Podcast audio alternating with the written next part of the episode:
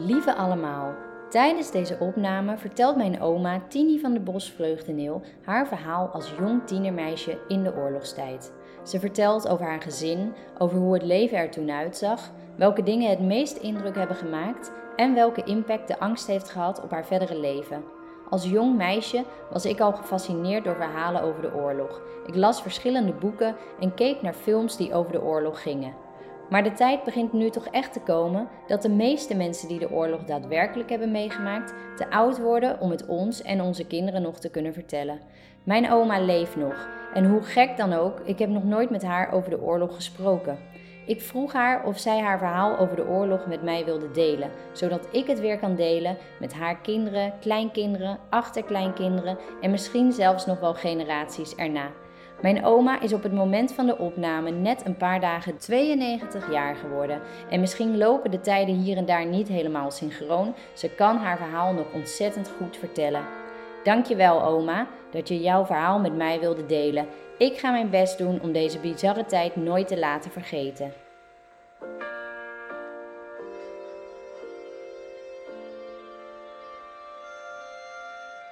Hallo allemaal. Ik zal me even voorstellen. Ik ben oma Vreugdeneel. En vroeger heette ik Tini van der Bos. En woonde ik in Schravenzande. En nou willen jullie graag wat weten over de oorlogsdagen. Ik vind het zelf eigenlijk niet zo leuk hoor, maar het waren hele nare dagen. Maar ik zal proberen jullie wat te vertellen. In 1938 en 1939 begonnen de mensen overal al heel angstig te worden, want er werd steeds over gepraat, er komt oorlog. En dat noemden ze de mobilisatietijd. Er was in Duitsland, was er een meneer, nou ja meneer, een hele nare meneer, die was... Uh, heel erg graag van oorlog gaan houden, oorlog voeren.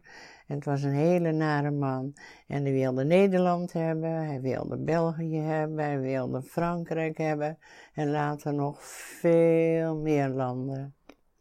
Maar die spanning was heel erg, want alle jongens die in dienst stonden in de soldatentijd, die werden allemaal al opgeroepen in de mobilisatietijd.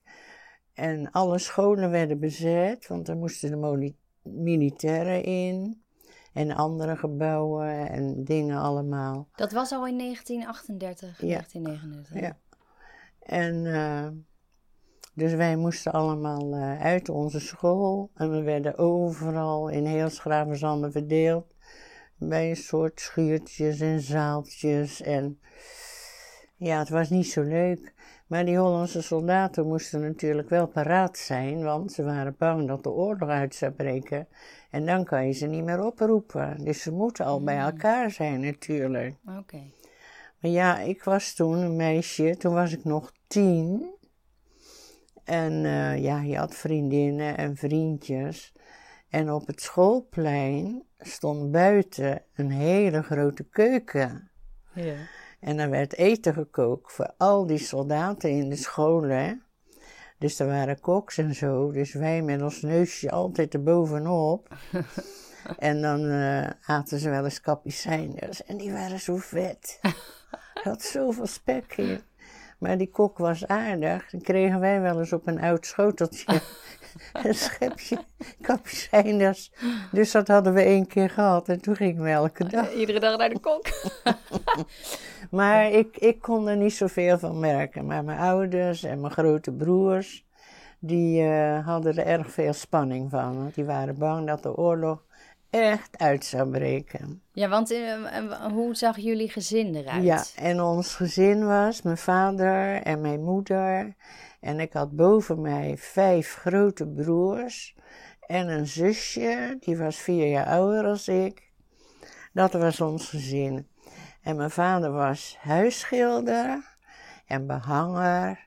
En ook die druivenkassen vroeger in het Westland ja. werden ook allemaal, iedere keer als er een hagelbui was, waren alle ruiten kapot. En mijn vader, die had dan een werkplaats thuis. En die had vijf zoons. En die waren allemaal in het vak. Ook allemaal schilder. Oh. Dus als het dan zo gehageld was en al die kasten waren stuk, dat glas, zaten het hele gezin eigenlijk alles te repareren. Ja. Maar ik had een eh, heel fijn gezin. Ik had wel veel vaders, vond ik. Eén echte vader en vijf Vijf. grote broers. Maar als ik dan een standje kreeg van mijn broer, zei ik altijd: Jij bent mijn vader niet. Maar ik heb een ontzettend fijne, heerlijke jeugd gehad. We woonden dicht bij het strand. En van mijn vader en moeder mocht ik met vriendinnetjes, als het mooi weer was, altijd al naar het strand. En eh, lekker zwemmen en spelen daar. En ik werd zo verschrikkelijk bruin dat mijn moeder zei: Kom eens hier, je bent helemaal vies. Ik zal je eerst eens even wassen. En dan pakte ze een washandje met groene zeep. En dan in mijn nek. En dan huilde ik, dat deed zozeer, want het ging er niet af, want het was van de zon. Ja. Maar uiteindelijk, eh, 1940, 5 mei was het. Toen ineens deden de Duitsers, de soldaten, toen was het oorlog, die deden een inval in Nederland. En dat was s'nachts eigenlijk gebeurd. Eigenlijk heel vroeg in de ochtend. Maar ik weet nog heel goed dat Nan en ik lagen op één slaapkamertje. En ineens kwam mijn vader en moeder naar boven, meiden aankleden, het is oorlog. Gauw naar beneden komen. Wist ik wat oorlog was? Nee. Dat wist ik niet. En eh, En u had het niet gehoord? Dat er, eh, dat er bombardementen waren? die, of- eh, die inval, die was er ineens, dat gebeurde helemaal onverwachts. Ja. En er werd gebombardeerd in Rotterdam, bij de Waterweg, Maasluis, Vlaardingen. Ja, eigenlijk overal in het hele land. Ja. Maar dat was dan het dichtste bij ons. ja. Dus nou ja, moed deed gauw een washandje over ons gezicht en aankleden, schoentjes aan en kom mee naar buiten. En ik woonde in een zijstraat van de Lange Straat In Schravenzande. in Schravenzande, dat was de hoofdstraat. En de zijstraat was de Pieterheusstraat, daar woonden wij. En de voordeur stond wijd open en mijn vader en moeder stonden buiten. Alle buren stonden buiten, ook allemaal kindertjes en die stonden allemaal naar de lucht te kijken. Toen keek ik ook naar boven. En toen wist ik niet wat ik zag. Ik zei tegen pa, wat zijn dat nou? Grote paddenstoelen? Nee, zegt pa, dat zijn parachutisten. En daar hangt iemand aan. Ja. Ik zeg, nee hoor. Pa zegt, kijk eens goed. Ja, Wow. aan elke parachutist, aan, ja, hing een eh, soldaat. Dat is heel onwerkelijk. En dat waren Duitsers, de vijanden. En ja, die vielen overal neer, ook op Schravenzande. Maar ja, waar? En eh, er werd vreselijk geschoten. Er zijn er ook een paar ja, uit de lucht gehaald. Echt aangeschoten dan. Ja. En dat heb ik ook gezien. En eh, toen, ja, toen was ik wel bang. En je hoorde overal schieten. Ja. En dat was voor die tijd, hoorde je, hoorde je nooit schieten? Of dat was Nooit echt gehoord. toen die... eh, Nooit nee. gehoord, Nee. nee. En eh, dus ja, pa alles verteld en mijn moeder huilen. Pa stond eigenlijk ook te huilen. Nou is het echt oorlog, zegt hij. Dat, is, dat zijn vijanden. En daar moet je heel erg voorzichtig voor zijn. En je moet hier in de buurt blijven. Ja. Je mag niet de straat uit en dit en dat. Maar ja, toen zijn we naar binnen gegaan en eh, ja, we moesten natuurlijk nog wat eten en zo. Maar je hoorde overal knallen en schieten en zo. Maar ja, op slot eh, in die ochtend, hè, het ging verder de tijd. En toen zei ik, mag ik wel met mijn vriendjes en vriendinnetjes spelen? Buurjongetjes en buurmeisjes en zo. Ja, zegt pa, maar niet de straat uit. Dus nou ja, dat hebben we uiteindelijk gedaan. En eh, toen was ik bij een buurjongetje binnen. En toen hoorden we zo verschrikkelijk schieten. Want ja, er liepen al Duitsers door de Lange Straat. En die hadden natuurlijk ook geweren en weet ik wat allemaal. Ja. Dus dat schoot al tegen elkaar. De Hollandse soldaten Ja. en de Duitse soldaten natuurlijk. Maar zo erg, dat Jantje heette die, Jantje Struif, daar was ik binnen. Dat we keken elkaar aan en we werden zo bang. En toen zijn we, stond er een grote leuningstoel. En daar zijn we samen ondergekropen. Oh. Dan hadden we toch een dakje boven ons, Ja, weet je wel. ja. En, en daar hebben we een tijd gezeten. En op slot was Jantje zijn moeder eh, ons gaan zoeken. En, maar wij hielden ons Stil, doodstil. stil. Omdat- we zo bang waren. Maar uiteindelijk werden we gevonden. En ze zeiden, oh gos kinderen, kom hier, kom hier. Oh. Dus ja, die hebben ons toen weer een beetje getroost. Maar ja, wat doe je dan als kind zijnde? Je gaat dan toch weer spelen. En toen zijn we toch de straat uitgegaan. En dan had je aan de ene kant van die zijstraat had je de Lange Straat. En aan de andere kant de Sant Ambastraat. Toen zijn we de Sant Ambastraat ingegaan. En daar speelden we altijd op een of andere lijntje. Daar woonde een tuinder. En die hadden altijd buiten staan die kleine tomaatjes die ze niet veilden. Dus wij daar weer naartoe. En ine- ineens zijn we zo vreselijk geschrokken. Toen kwam er een man aan met een pan op zijn hoofd. Ik wist niet wat het was. Ja. En een groot geweer en wat hij allemaal om hem heen had. En die sprak tegen ons in een hele rare taal. Dat kenden we helemaal Nee, niet. Nee. Achteraf was dat Duits natuurlijk. Ja. Maar die richtte op ons ook het geweer. Dus wij stonden stokstijf en met grote ogen. Oh. En op slot zei hij, eh, ja, zoiets als niet bang zijn. Maar dan in een andere taal. Dus wij snapten er geen bal Nee. van. Maar hij kwam zo van naar huis, naar huis. Snapten we ook niet. Maar ja, hij ging verder voorbij en wij stonden nog op dat laantje. Ja. Komen we het laantje af, lopen er een heleboel Duitsers. Stonden ook allemaal mensen buiten en die begonnen ook te schieten. Want die mensen mochten daar niet staan. Daar stond ook een buurvrouw van mij. Hmm. En opeens dacht ik, hè? Maar die buurvrouw, die was in de been geschoten. Ja. Dus die bloedde heel erg. Nou, als kind zijn is Ja. dat heel erg om Ja, te zien. tuurlijk. Dus toen ben ik naar huis geholpen, naar mijn moeder. En ik heb heel erg gehuild. En de buurvrouw bloed en dit en dat. En... Durf je het te vertellen? Ja, Want je mocht niet het straatje uit. ja, Ja. ja, ja, ik kwam binnen hollen, ja, overstuur. Ja. Maar ja, toen mijn moeder me weer getroost en zo. En eh, ja, toch wel een standje gekregen. Dat ik niet in de straat gebleven was natuurlijk. Ja. En toen moest ik wel een hele poos binnen blijven en eten en zo. Maar eh, joh, die, die oorlog ging door. En de andere dag waren we weer in de straat aan het spelen. En toen kwam eigenlijk een heel leger Duitse soldaten Schravenzanden binnen. Maar die zaten bijna allemaal op paarden. Dat was vroeger het paardenvolk. Mm. En er waren van die karren bij, die je nu hebt met, met zo'n hoes erover. Ja, een huifkarren. huifkar. Ja. Nou, en ook allemaal soldaten met geweren en toestanden. Dus ja, wij stonden ook stokstijf, maar als kind zijn je, je bent zo nieuwsgierig. Nou, die werden allemaal, dat hele regiment. Op Schravenzanden had je de Spaanse vloot. En dat was een heel groot restaurant. En die had ook een stalhouderij. Waar ik weet niet hoeveel paarden altijd in konden. Dat was vroeger al. Want dat restaurant op Schravenzanden had je ook al een gebied van asperges. Ja. En dan in de aspergetijd kwamen de mensen, rijke mensen uit de Haag, die een koetsje hadden met één of twee paarden ervoor. Of zo'n Jan Plezier, met allemaal mensen erin, met zo'n harmonica Oh, ja. muziek. Ja, ja, ja. Gingen daar asperges eten. Dus die Duitsers, die konden die paarden daar allemaal kwijt. En die werden ook ingekwartierd in dat grote restaurant. Er waren grote feestzalen en zo. Ja. Dus die hebben die hele oorlogsjaren daar wel gezeten. Maar op slot werd ik dan eh, wat ouder. En dan kreeg ik een vast vriendinnetje.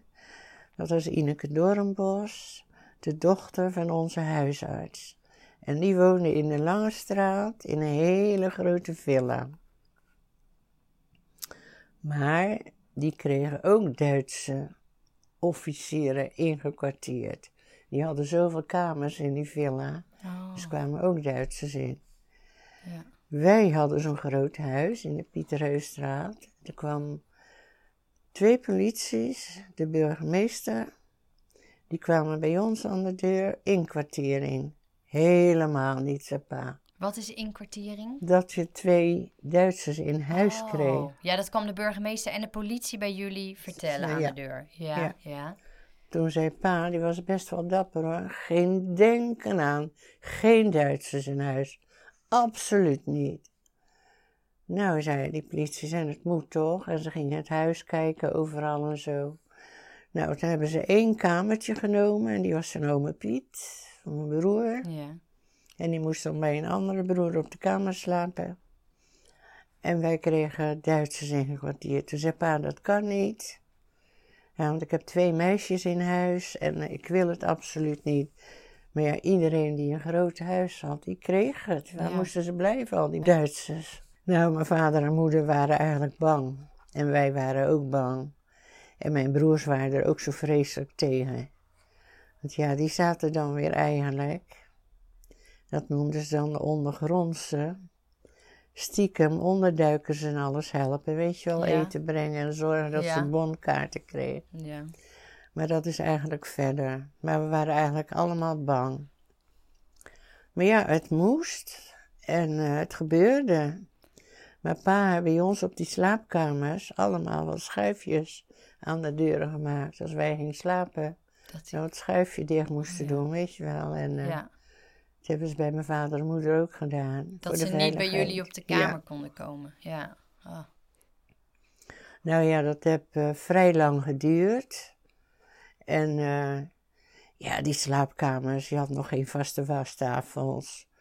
We hadden geen eh, bad. We hadden een kamer boven. En er stond een, een rond kacheltje. En met allemaal ringen erop. Er kon een grote pan op. En dan haalde je een ring kleiner of je deed hem er weer op, weet je wel. Daar kookte mijn moeder dan heet water voor ons, als we in bad gingen. Ook voor mijn broers.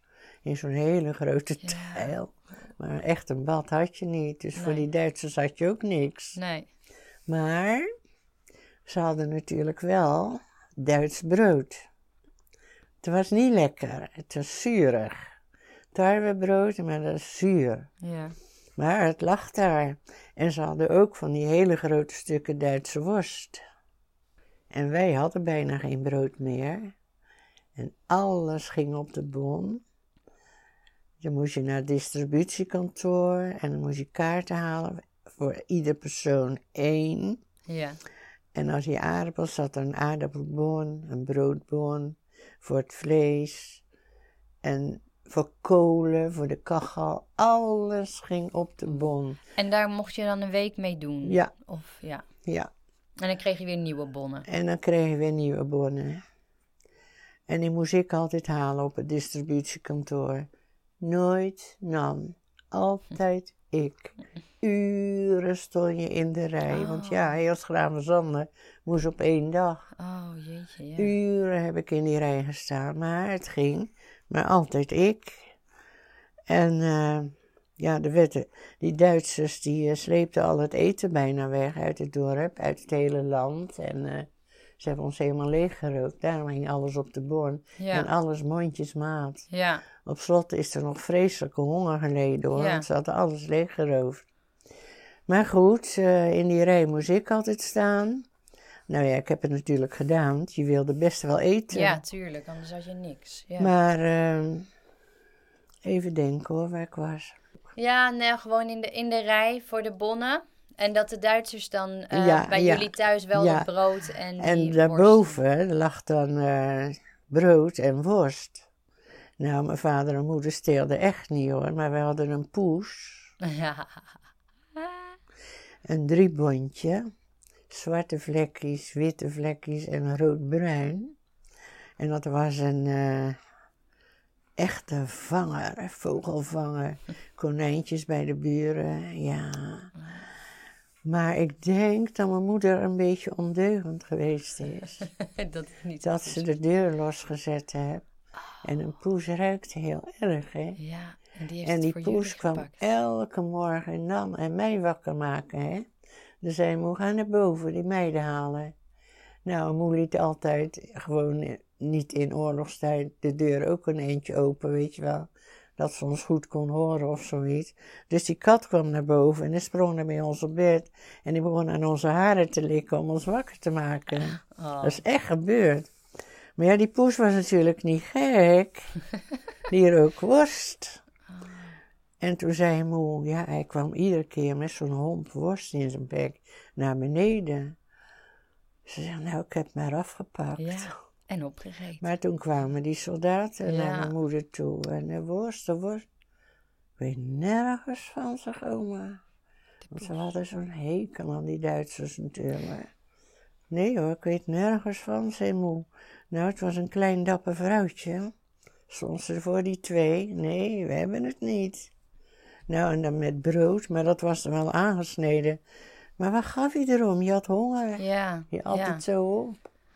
Maar dat is verschillende ja. Maar kreeg zij dan niet eh, op de kop dat ze er Nee, nou ja, en eh, ze zei, het kan niet anders, je moet het gedaan hebben. Nee, Ja. zo moe en die stond er als een soldaat voor, Ja. weet je wel. Ik heb het één keer gezien en ik denk, oh, moe. Ah. Maar ja, ze gingen weg. En overdag waren ze meestal niet thuis.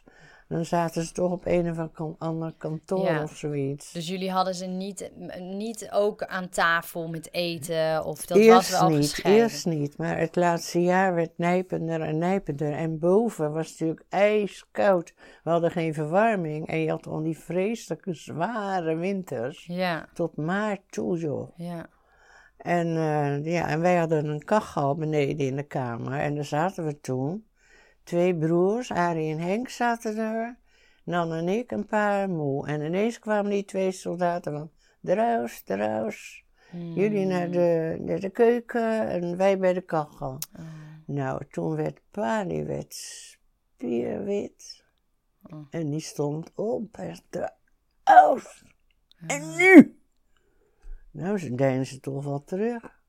Ja, toen zijn ze wel naar buiten gegaan. Oké. Maar s'avonds laat kwamen ze pas weer terug. Maar ja, er zat alle deuren op slot. Ja, Want je had bijna, je, nee, je had geen stroom meer. Je had nog wel water. Je had geen gas meer. Hmm. Hadden ze allemaal afgesloten. Water was er nog wel. Dus mijn moeder had dat kacheltje. Dat heb ze later buiten in de schuur gezet, beneden. En pa had hout. En iedereen ging bomen omhakken ja. in blokken.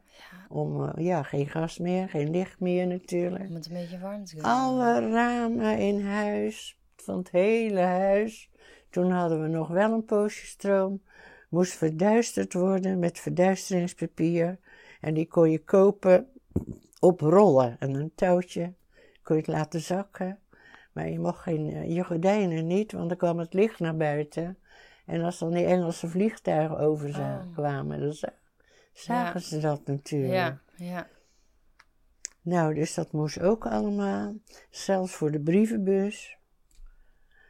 Maar mijn vader, die was ook niet gek. En toen er geen stroom meer was. En je had die vreselijke donge- donkere winters en zo. Ja, is mijn vader ook een beetje stout geweest. In de werkplaats, waar de verf en behang allemaal stond. En glas en stopverf. Daar was de lichtmeter. En aan die lichtmeter zat een draadje met een loodje.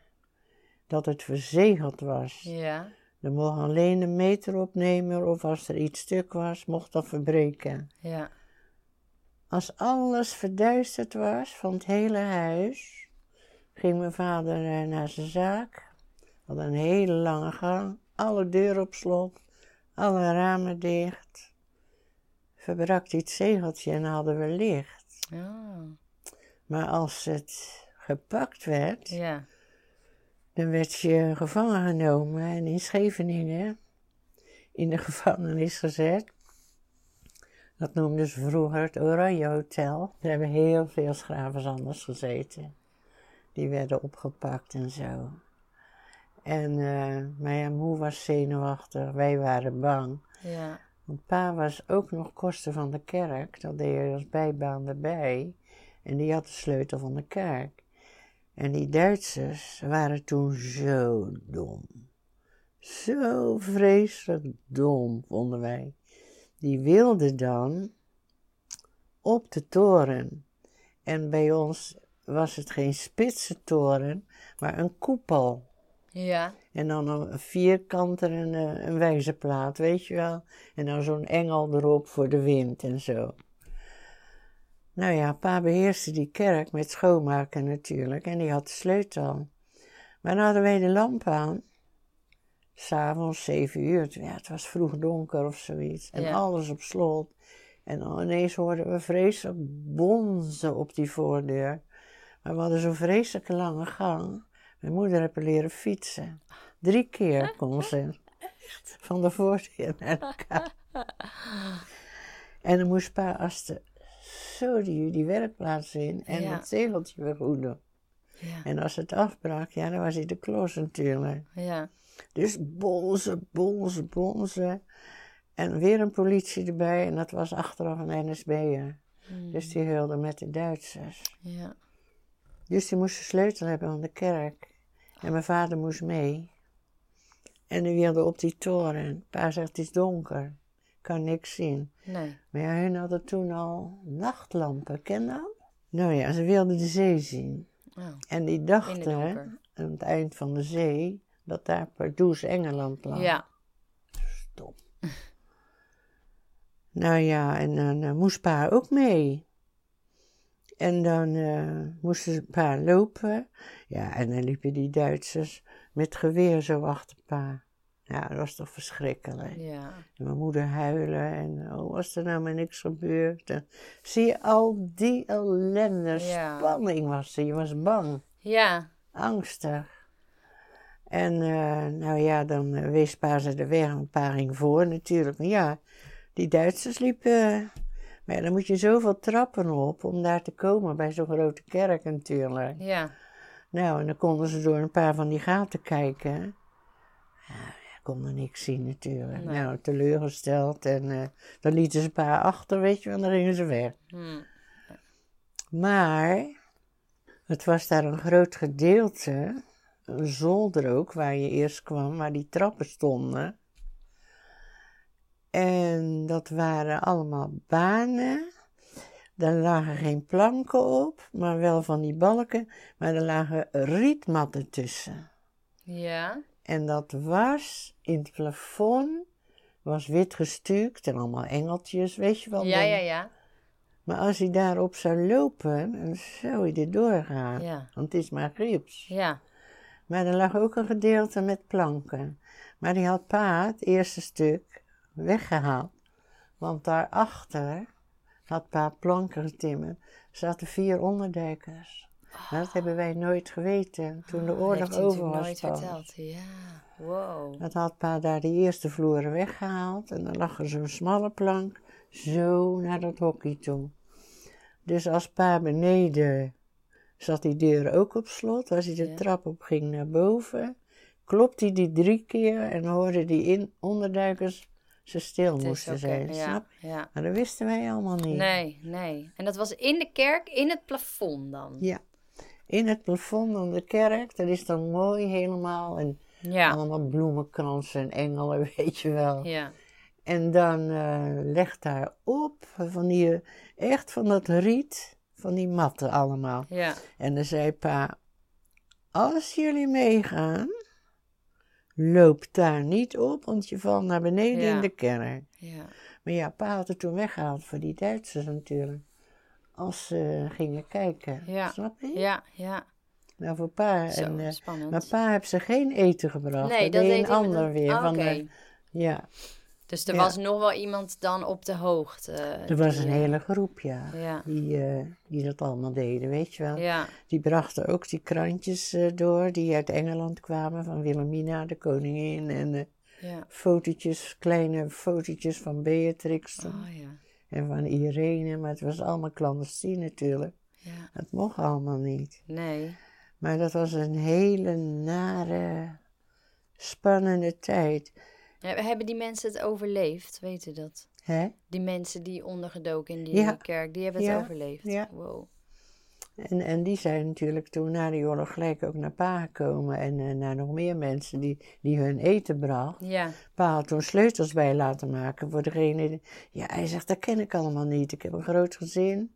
En er zitten Duitsers bij me in huis. ja, nee. En dan ook dat nog. Hij zegt, dat ken ik niet. Heb een paar sleutels bij laten maken. En degene die een sleutel hadden, die brachten dan eten. Oké. Maar ook op rare tijden, weet je wel, dat het een beetje veilig was. ja. Of heel vroeg of heel laat. En in die tijd ging je dan niet meer naar school? Jawel, Oh, maar wel. wij zaten weer in. eh, en toen de oorlog uitbrak, gingen die Hollandse soldaten natuurlijk allemaal uit Ja, school weer. ja. Gingen allemaal naar het front. Ja, Nou, het heeft maar vijf dagen geduurd. Toen was het over natuurlijk. Maar wel vreselijke gevechten geweest. op De Grebbeberg Rotterdam. Rotterdam is vreselijk gebombardeerd. En Maasluis en Vlaardingen. Ja, bij de Waterweg. Ja. Ja, er is ontzettend veel Ja. gebombardeerd en zo. En- Maar ja, in het hele land. Want als wij s'nachts op bed lagen. Nou, en ik deelde toen samen een kamertje. Dus dan gingen we naar bed en zeiden we, nou wel te rusten. Ik hoop niet dat de Tommies, dat waren de Engelsen, dat die komen. En jawel hoor, bijna iedere nacht. Laat een beetje. En dan werden wij wakker van, van het gegons. En dan ging... Zei, oh, nou, ze komen weer. Ja. En dan eh, ja, gingen ze ook op schieten, hè? Ja. Die Ja. Duitsers. Ja. Want we hadden een klein haventje op Schravenzander. En daar stond een zoeklicht. En er waren een heleboel zoeklichten. Want bij Stelduinse Bos was het ook gevaarlijk. Er waren ook allemaal bunkers. Waar die Duitsers in zaten en zo. Ja. En eh, als ze dan gingen bombarderen, zaten ze allemaal in die bunkers, weet je wel. Dus ze hadden weinig last eigenlijk. Dat was eh, ja, zo dik beton allemaal. Ja.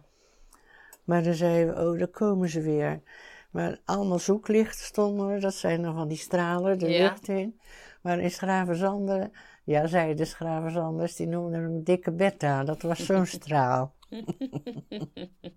en dan vlogen wij het raam uit, dat ding omhoog van die verduistering. Geen licht aan natuurlijk. Nee. Stonden voor het raam, kon je dat zien, die luchtgevechten. Wow. En dan, ja, af en toe, met die zoeklichten, zat er ineens een vliegtuig in het midden, een Engels. Ja, er werd op geschoten, geschoten.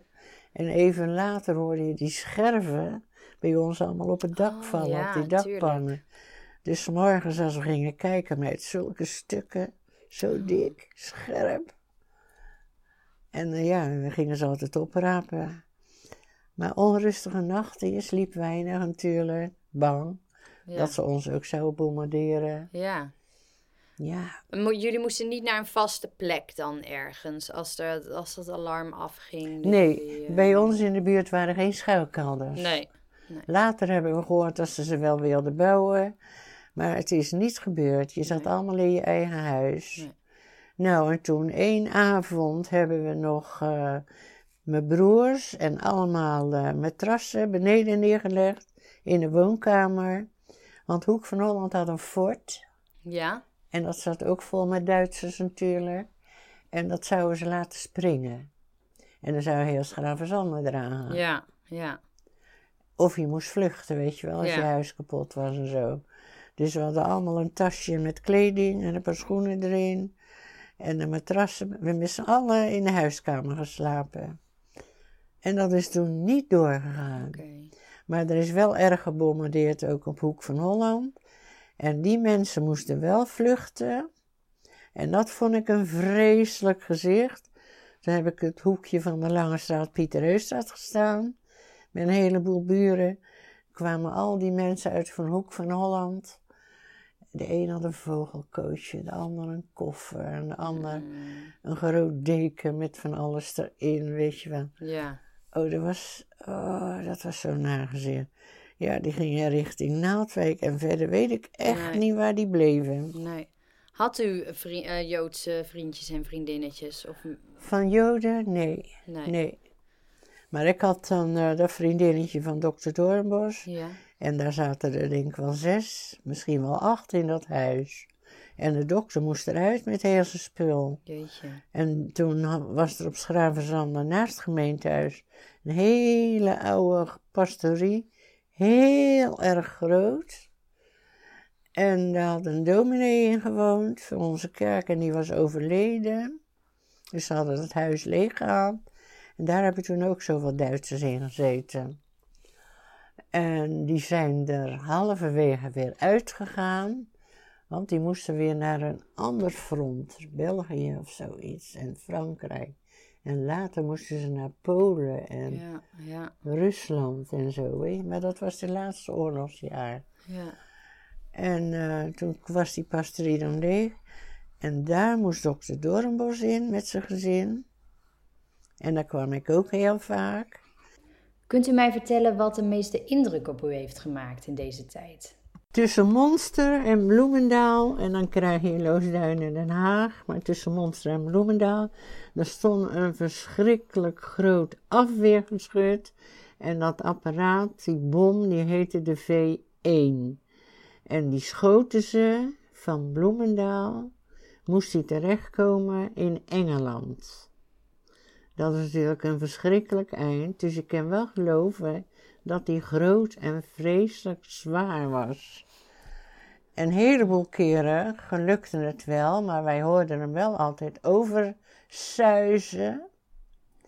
Maar een enkele keer mislukte die en toen kwam hij in Schravenzande terecht, op de Beukenlaan, precies naast de begraafplaats. En daar is hij in de grond geslagen. Nou, het was een hele grote, diepe krater, zeg maar. Een hele grote, diepe put. Ja, en daar liepen eh, mensen te wandelen.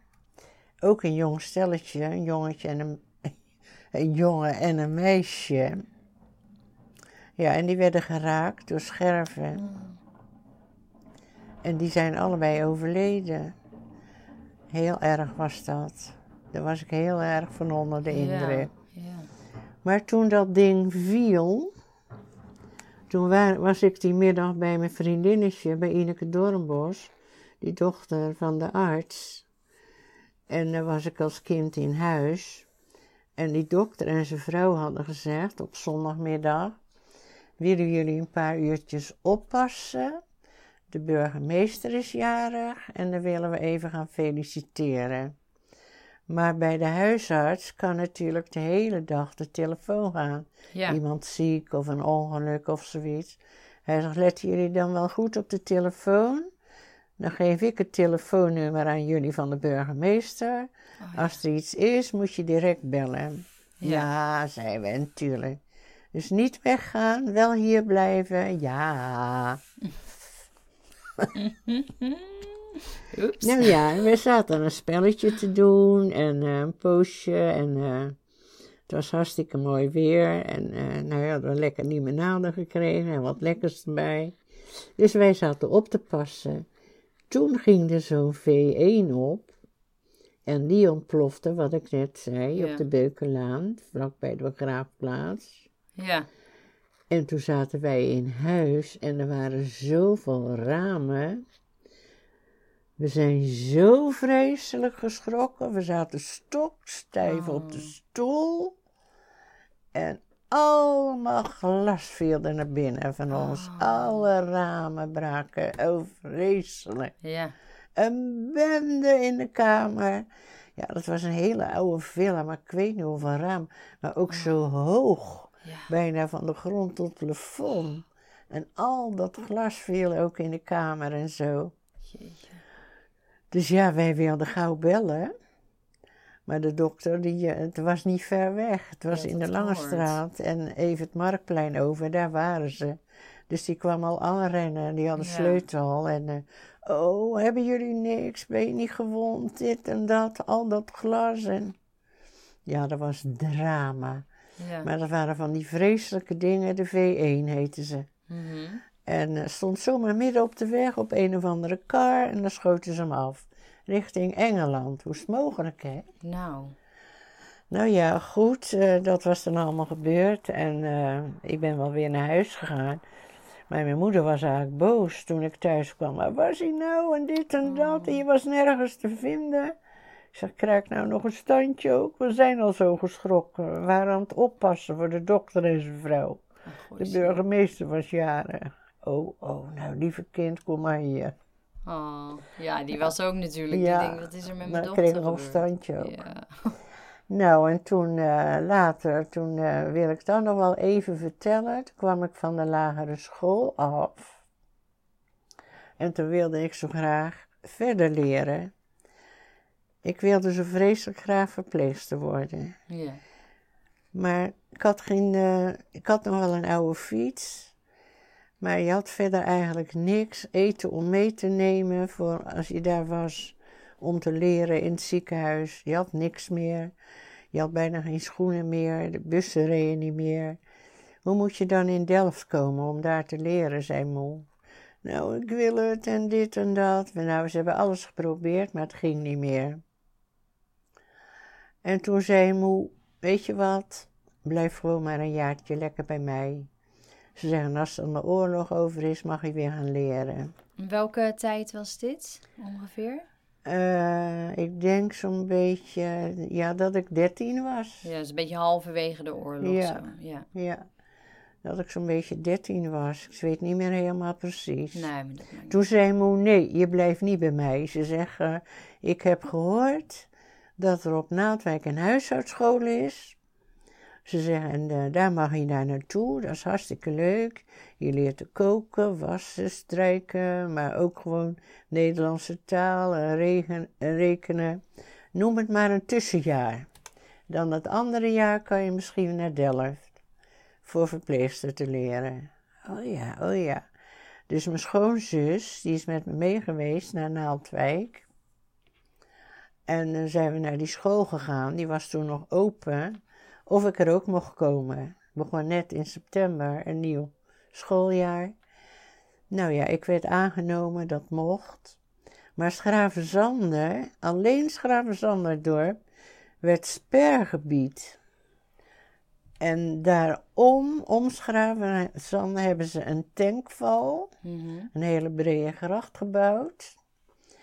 En hier en daar op de weg van Schravenzander naar Naaldwijk hebben ze ook bunkers gebouwd van heel dik beton, waar er ook Duitsers in zaten. Ja. En dan konden ze overal met in contact komen, Engeland, Duitsland, weet je wel en zo. En, eh, maar ja, niemand was nog ooit van gewone mensen in die bunker geweest. Maar dan moest iedereen van Schravenzander, groot en klein, een auswijs hebben. Dat is een soort pas met je foto erop en eh, alles, je geboortedatum, je naam. En dan moest je altijd bij je hebben. Want als iets Schravenzander uitging naar Naaldwijk, daar stond zo'n balk, hoe heet dat ook alweer? Rood-wit. Ja, En twee Duitsers erbij met geweer, Auswijs. Moest dat moest je laten zien. zien. Dan mocht ik naar Naaldwijk, maar ik moest bij me hebben. Ja. Als ik terugkwam van school, Schravenzander in, moest ik mijn auswijs laten zien. Als ik in Schravenzander naar Monster ging, naar dat dorp, mijn auswijs laten zien. En daarin weer je auswijs. Ja. Dat was echt helemaal spergebied. Waarom, weet ik nog niet precies, waarom dat gebeurd is. Maar goed, ik, eh, ik had natuurlijk vijf broers en die, die waren getrouwd. Eén broer die woonde op Naaldwijk in de Druivenstraat. En die had een eh, gezinnetje met twee kleine kindjes. Maar ja joh, er was bijna geen eten meer. En met die bonnen ook, je kon niks meer kopen. Je kreeg die bonnen wel, maar er was niks meer. Nee, nee. Toen had mijn pa, die had aan de Maasdijk een kennis zitten, een boer. En die had dan eh, aardappelland en bieten. Geen koeien of zo, maar dan ben je ook wel boer, agrariër ja, dan, hè? ja. Dus daar was pa naartoe gegaan en die had gezegd, joh, kan ik voor jou een stukje land huren? Jij poot toch weer aardappels zeker? Ja, zegt hij. Nou, en dan moet je pootaardappels kopen, weet je wel. Dus, nou ja, dat pa klaargemaakt, dat daar een veld voor ons was. Dus aardappels hadden wij altijd. Ah, Maar ja, die kon je niet vervoeren, want dan pakten die eh Duitsers, Duitsers er weer af. Ja. Maar wat had pa? Die had van die grote bussen met stopverf. Ja. Net zoiets als een melkbus, maar dan iets breder. Ja. En eh, die man had een paard en wagen. En toen kwam hij naar mijn vader toe. Van de Bos, de aardappels moeten eruit. Ze zijn eruit. Maar nou moeten ze vervoerd worden naar jullie huis. Ja. En wij hadden een oud herenhuis, dus we hadden ook een kelder, heel diep, waar je rechtop kon lopen. Een hele grote kelder onder het huis. En daar moesten die aardappels gestort worden. Een hele wenteltrap naar beneden. Maar ja, hij zegt, hoe moeten we ze nou vervoeren? Want die Duitsers gun ik ze niet. Toen zegt pa, joh, ik heb lege stopverfbussen. Hij zegt, als we dan eens een paar weken over doen, iedere keer een vrachtje halen. Ja. Hij zegt, nou wat wil je dan? Nou, eens een paar aardappels in die bussen doen. Laagje stopverf eroverheen, het deksel erop. Want je werd overal gecontroleerd Ja, waar je ja. mee reed. En dan pakten ze het af. En zo hebben ze het gered. Wow. Dus wij, wij hadden aardappels zat. En ik had natuurlijk een tas bij me. En daar eh, zat naaiwerk in. Je had ook naailes, kookles. Maar met koken moest je op laatst zelf een aardappel meebrengen. Oh. En je groente. Ja. Dat had je. Ja, ik had het wel, maar de andere kinderen weer niet. Nee. Dus die kookles ging open. Maar toen moest ik elke dag natuurlijk een- naar Naaldwijk toe. En mijn broer en mijn schoonzus met die kleintjes hadden bijna geen eten meer. Dus pa zei iedere keer, maak je tas eens leeg. En deed hij onderop een laag aardappels, elke dag. Mijn naaiwerk erop, mijn boeken erop, weet je wel, je etui en Ja, van alles ja. erop. En zo moest ik dan bij Naaldwijk met Oh, mijn wat ouderswijs daar doorheen. En daar stonden die twee Duitsers. En ik had mijn ouderswijs wel bij me. Ja. Maar ik had al een paar keer gehoord dat ze tassen gingen controleren. Want alles wat maar eetbaar was, werd afgepakt, hè. Ja, ja. Dus ik stond daar met mijn auswijs en ik wou afstoppen, halt. Tas openmaken. Nou, ze haalden alles er. Toen vonden ze die aardappels. Ja. Nou, krijg ik een standje thuis. Nou ja, thuis. Nemen ze die aardappels af? Ja hoor, die aardappels. En toen zei ik, nee. Ik, ja, ik ging een beetje Duits overnemen. Ja, ja, ja. Nee, en eh, nee, het mocht niet en zo. En eh, nou, ik stond echt te worstelen, weet je wat, te trekken en zo. Maar ja, joh, die twee, die waren Ja. sterker dan ik. Dus ik werd zo boos, heb ik die ene Duitser zo'n vreselijke schop gegeven tegen zijn been. Ja, toen was de boot aan. Ja, en toen? Hebben ze mijn fiets afgepakt. En ze hebben die aardappels eruit gehaald, op een hoopje gelegd. En mijn tas aan de kant. En toen moest ik mee naar de bunker. Oh. En die staat er nog. Ja, Maar ze hebben er tegenwoordig gras over laten groeien. ja. Wordt mooi. En dat is tegenover het tuincentrum. Als je van Naaldwijk afkomt, Ja. heb je de... Nou, in die bunker heb ik gezeten. Wow. En toen wist ik niet wat ik zag. Zulke muren, allemaal stroomdraden, allerlei kleurtjes, geel, blauw, wit, rood. En ik zat in die bunker. Nou, en eh, er zat nog een andere Duitser. En die begon te lachen. Het schöne Mädchen, weet je wel, en dit en dat. En eh, Ja. ja, ik kon zo boos kijken. En ik had toen nog ponyhaar en pikzwart. En als ik dan zo boos keek, dan moest iedereen altijd lachen. Dus hij zat ook te lachen. En Maar was u niet ontzettend bang op dat moment? ik zat helemaal te Ja. schudden. En mijn naam moest hij weten en een adres. Ik zei, Auswijs. Ik wou het niet zeggen. Auswijs. Oh ja. Nou, en toen eh, hoorde ik een motorfiets aankomen. En dat had een zijspan. En die twee Duitsers, die gingen mijn vader halen. Oh nee. Dus de een zat op die en die andere in dat zijspan. Maar allebei, eh, ja, die ander had zijn handen dan vast. Hij zat met twee geweren zo in die zijspan. Nou, ze hadden geluk dat mijn vader niet op karwei was. Dat hij in de zaak was. Maar ja, die schrok zich wezenloos. Ja. Twee Duitsers. Altijd zo, hè, met dat geweer. maar- En dat is bij mijn vader zo vaak gebeurd.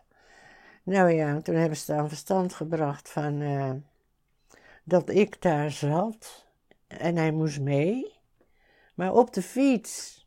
Ja. Want ja, er was geen plek meer natuurlijk. Nou, toen zegt pa, dat deed hij niet en dit en dat, want hij snapte niet dat ik het was. Hmm.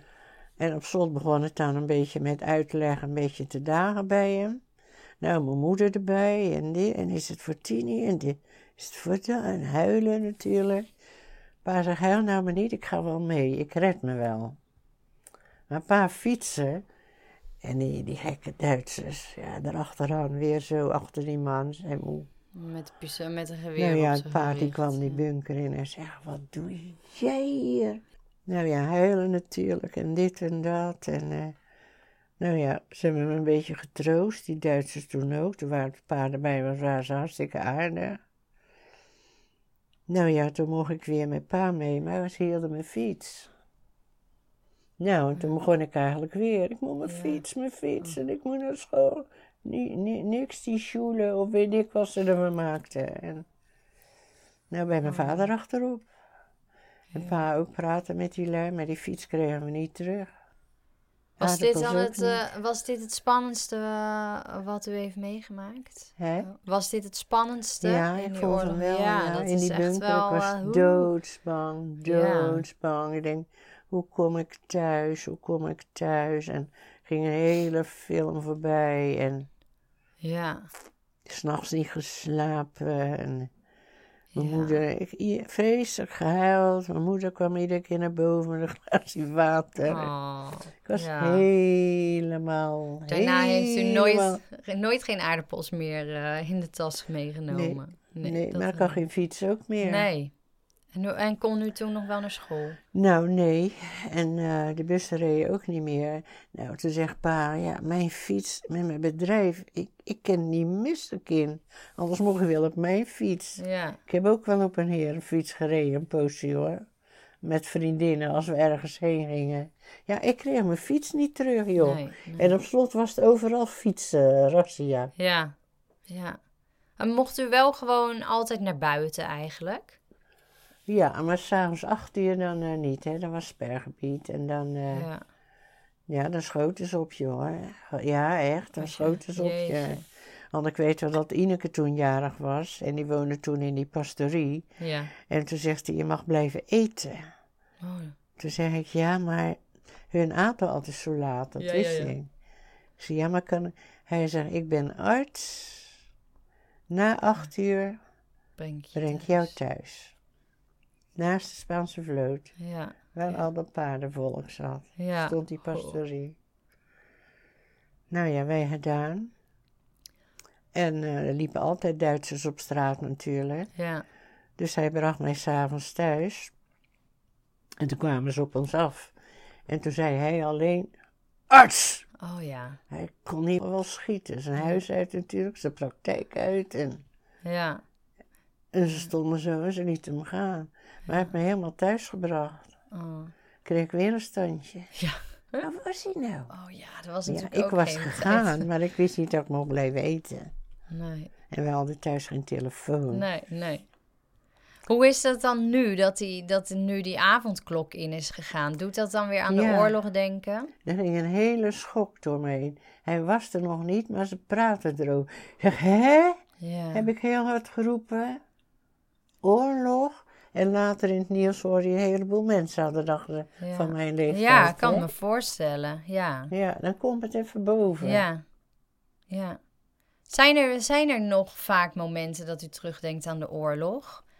Nou, als ik. eh, en dat vind ik eigenlijk heel erg, want ik geloof niet. Maar ik, ik heb een traumaatje overgehouden. Ja. Allemaal angstige dingen die ik nooit vergeet. En tegenwoordig droom ik nooit meer, maar ik heb nog ontzettend veel gedroomd. Dat ik zelfs thuis uit mijn bed sprong, dat ik er vandoor wilde, weet je wel, Ja. op de grond. Ja. Dat mijn vader en moeder naar boven kwamen, ben jij aan het doen? Oh, In je ja. bed, vooruit. Ja, dan kwam het weer boven. Ja. Maar eh, weet je wat ik nou heb? Dat heb ik nog. En het gaat nooit over. Ik wil dat overgaan. Als ik Duits hoor praten, Ja. bal ik mijn vuisten. Ja, ja. Ja, ik kan me voorstellen, want die, je brengt En- je weer terug naar die tijd. Gaat automatisch angst heb je gehad. Met Ja. die V1 in die bunker Ja, en op straat. ja, En eh, dan mocht hij tot acht uur buiten. En als het dan winter was, was hij nog wel eens buiten. Maar nergens een lichtje. hè. nee, nee. Dus er liepen jongens op dorp. Ja, Als ze een meisje hoorden of dachten van, eh, ze grepen overal. ja, ja. Dus ik mocht niet meer naar buiten. Nee. Maar dat was ook angst. Ja, tuurlijk. Ja. En dan had je van de winterhulp. Dat was eigenlijk van de Duitsers ingesteld, zogenaamd voor de arme mensen. En als hij wat in dat busje deed, kreeg je een lichtgevend speldje. Dan moest je even onder eh, het licht houden Ja. of zo. Ja. En dan als hij dan buiten liep, zag je iemand aankomen. Oh, oh ja. Dat was het enigste. Maar om aan zo'n speldje te komen, moest je eerst wel bij die Duitsers Hm. Ja, je bent jong en ik wilde dat ook graag hebben, want ik had helemaal niks. Nee, nee.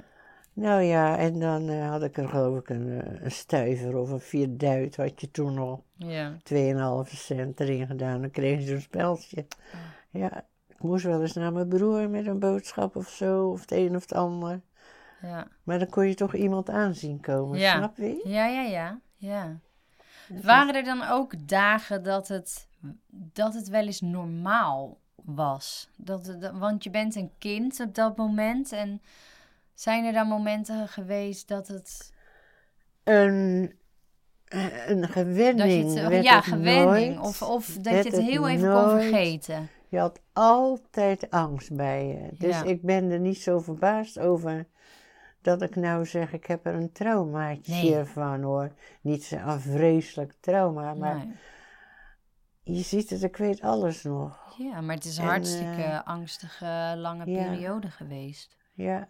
Nou, en toen eh, kon ik eens met iemand meerijden. Toen was het toch nog een of ander klein feestje op school van een klas die boven mij stond. Maar ja, ik had natuurlijk op die huisartschool gezeten, dus je ging wel met iedereen om en zo. Ja, en die, dat was direct, nee, dat was nog in de oorlog.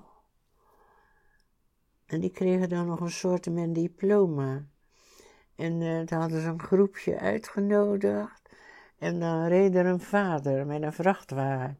Dus we zaten met z'n vieren in, die, eh, in dat ding van- Ja, waar, waar die vader zat. Ja. In die cabine, zeg maar. Die man dan. En dan nog met z'n drieën. en dan nog twee. Ja, in een vrachtwagen, een beetje onder zo'n zeil of zoiets. Maar we zijn toen wel geweest. Maar toen had je het weer, net ik weer. Toen gingen we richting Monster. Over de Zwarte Dijk, zo naar Naaldwijk. Kwam je bij het station uit op Naaldwijk. Ja. En daar had vroeger een tram gereden. En die biels die lagen er allemaal nog.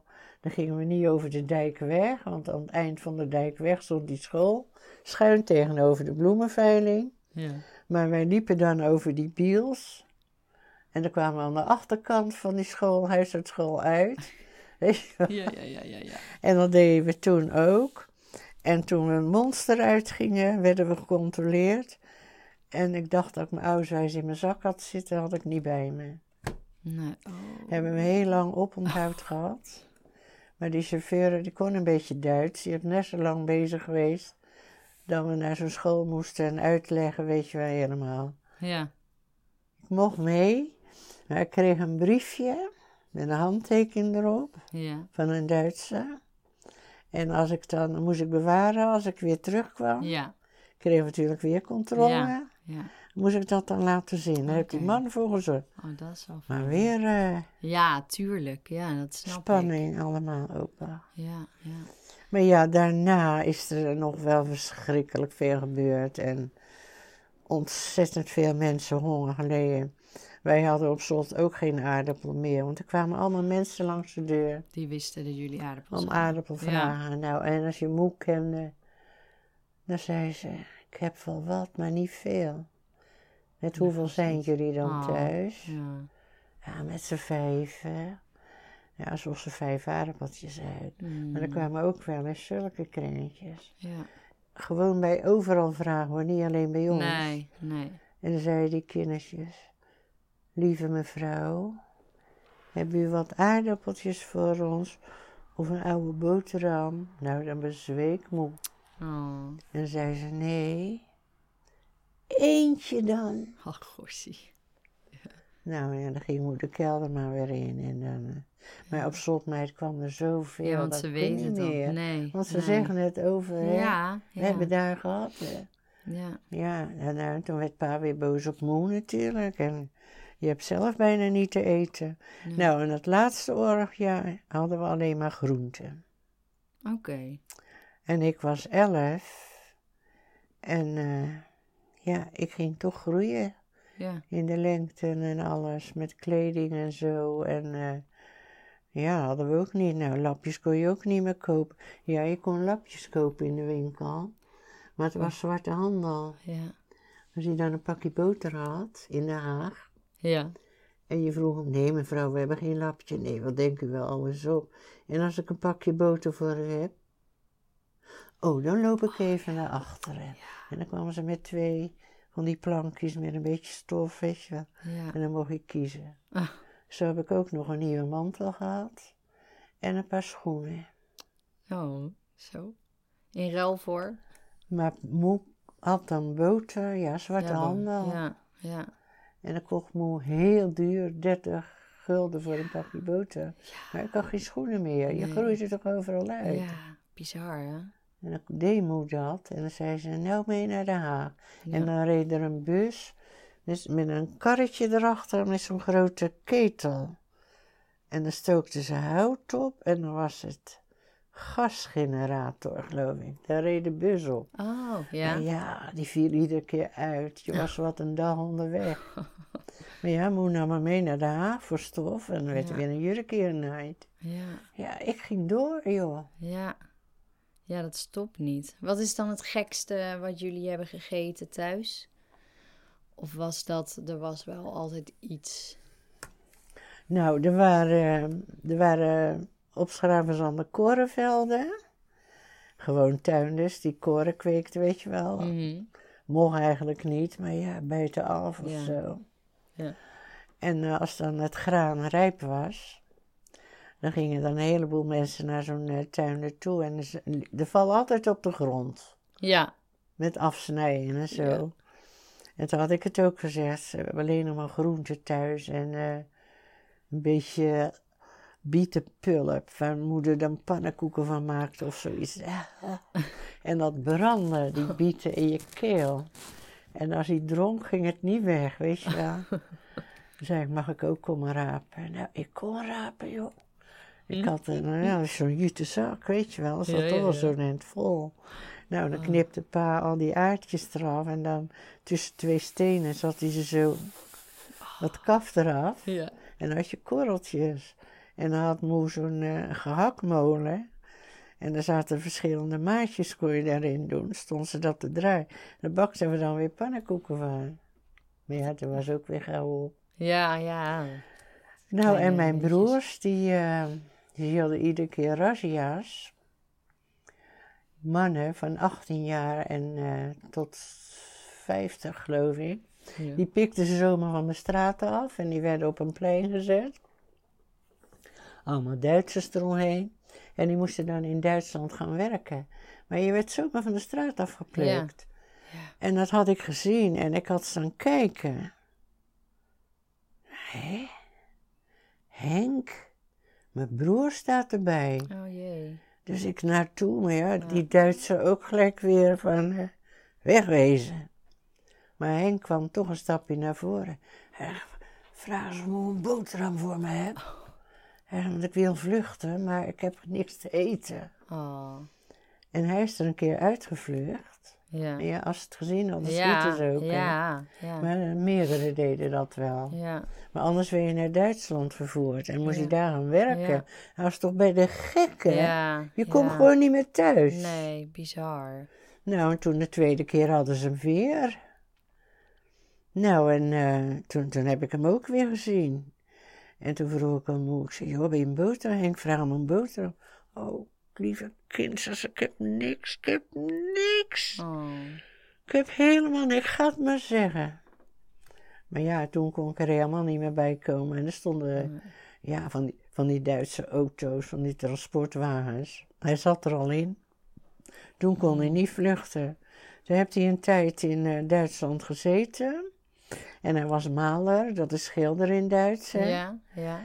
En dat, eh, dan had je daar zo'n, eh, zo- ja, hoe noemen ze die, zo'n gashouder. Waar eh, het dorp dan gas uit krijgt om te koken of zo, weet je Ja, wel. ja, ja. En die moest hij dan schilderen. Er zit een trap aan vast en die moest geschilderd worden. Maar ik zag, als ik boven was, was veel luchtalarm. Oh. Dan kwamen die Engelsen weer, weet je wel, bombarderen en zo. Hup, weer naar beneden. Daar waren wel schuilkelders. Oké. Maar bij ons in Schravenzand, nee, nee. Nee, nee. En eh, daar heeft hij toen een tijd gezeten. En ja, hij kon nergens heen, dus hij moest daar wel zijn. Hij wou wel vluchten, maar er ging Nee, niks. Nee. geen trein, geen bus, niks ging er. nee. Waar moet je dan heen? Ja, nee.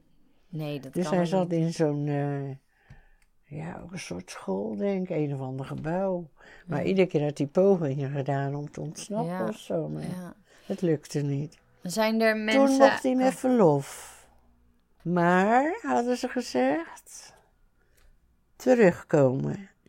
Als jij niet terugkomt, schieten we hier een van die mannen dood. Oh, Ja, zie je. ja. Ja. Dus Henk ging met die mensen om. En hij dacht, wie schieten ze dan dood?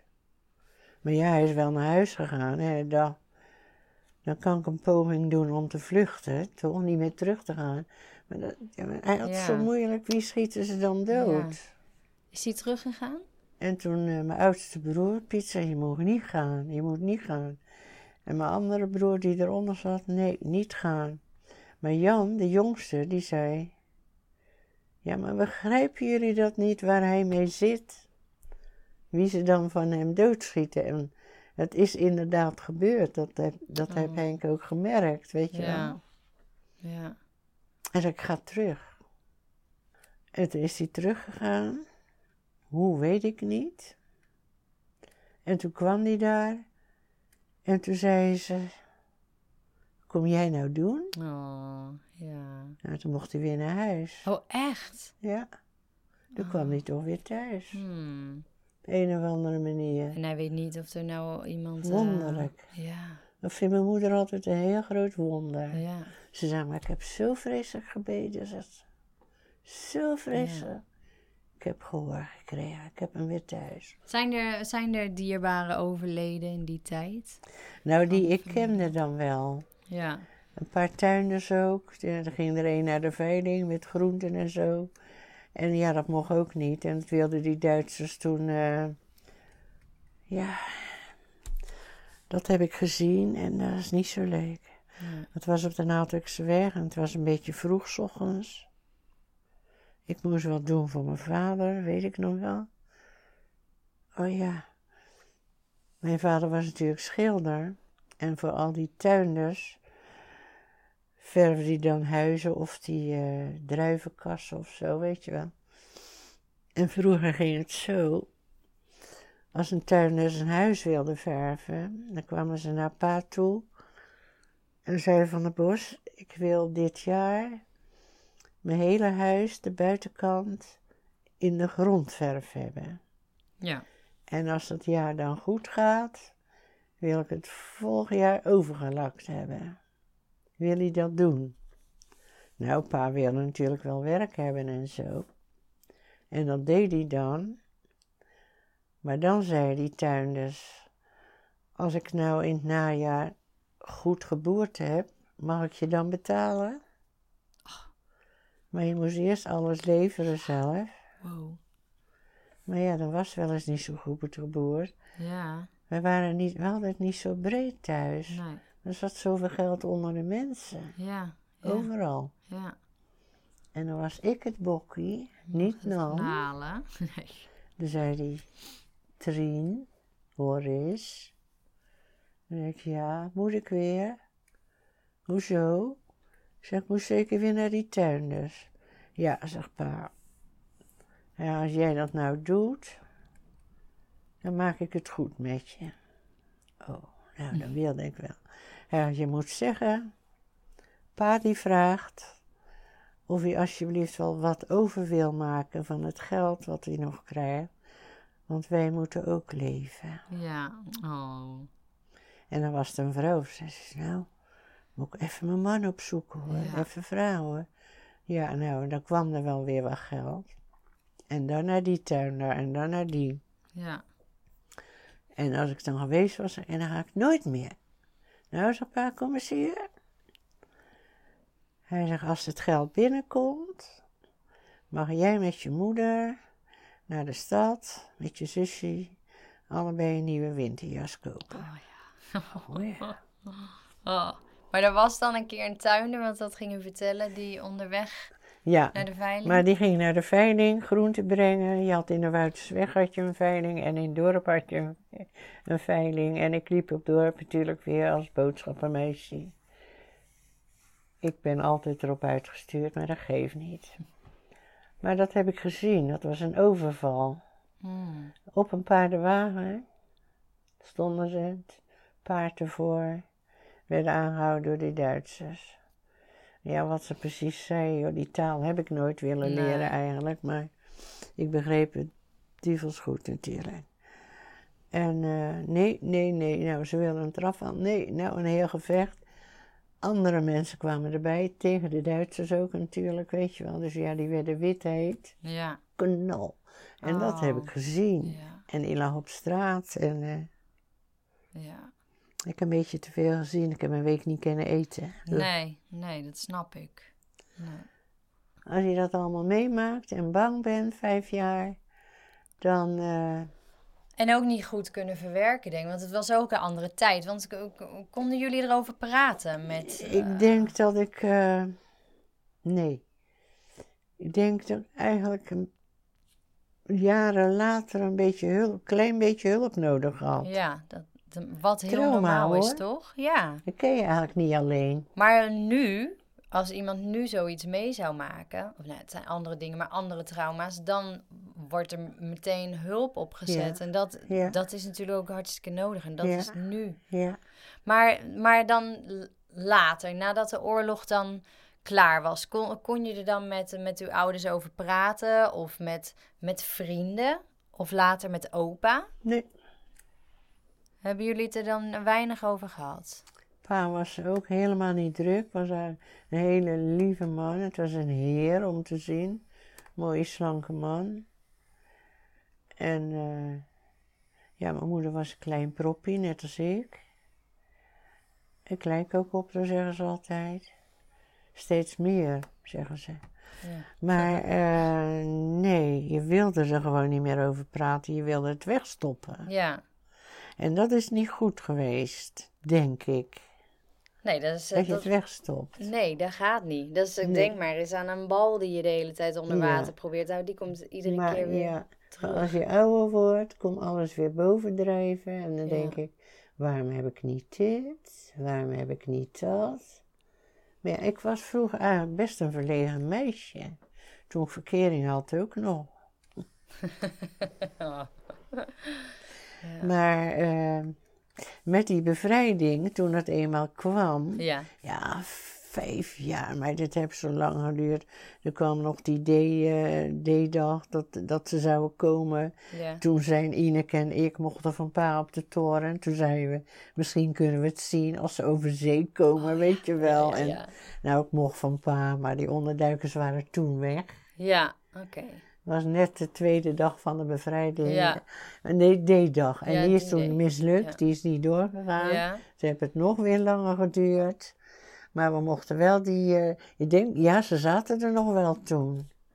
Ja, maar toen met die bevrijding, toen eh heb pa ze eh, boven losgelaten. Oh. En toen had je dan, hoe heet de ondergrondse. Ja. Die hebben de hele oorlog eh, tegen Duitsland gewerkt. Onderduikers geholpen en zo. Want eh, wie waren er toen nog thuis? Piet was getrouwd, die woonde bij ons boven met Francine. Arie woonde in Schravenzanden, was ook getrouwd. Henk was nog thuis. We hadden zo'n vreselijk groot huis. Twee vlieringen hadden we. En in de keuken was nog een zoldertje. En uh, er was iedere keer om de havenklap was er razzia op straat. Maar ze gingen ook de huizen in om de mannen weg te halen. Ja. En toen uh, hebben ze bij ons alle drie ondergedoken gezeten. Dan hadden we nog een, een grote vliering. Maar dat doorspaart niet aan. En op die andere vliering ook niet. Toen was er nog een zoldertje. En er zat dan zo'n luikje, een deurtje. En dat was, wij zeiden altijd, dat is het muizenzoldertje. Maar daar stonden een beetje rommeltjes en zo, weet je wel. Maar dat heeft pa en moe toen allemaal opzij gezet en een bed neergezet. Daar hebben ze met z'n drieën gezeten. Toen, toen was het echt, echt elke dag een razzia hoor. En voor dat deurtje, als ze er waren, had moe drinken gezet en eten wat je had. Ja. Van de ondergrondse wisten ze dat de jongens daar zaten, alle drie. En die brachten ook nog wel eens wat brood. Die kwamen er dan wel aan, weet je wel. Ja. Gewoon hompenbrood hoor. Zo Ja. afgesneden van die bonken. Maar Ja. ze aten het zo, joh. Ja. En dan zette pa er een kast voor. Dat je niet zag dat er een luik was. Want ze zochten je hele huis na, die Duitsers. Met z'n tweeën. En eh, ja, eh, de mannen, de mannen, de mannen. Nee, zei pa, geen mannen. Iedere keer weer. Nou, en toen was dat, vond pa toch niet vertrouwd. Toen zegt hij, weet je wat? We hadden een hele grote woonkeuken.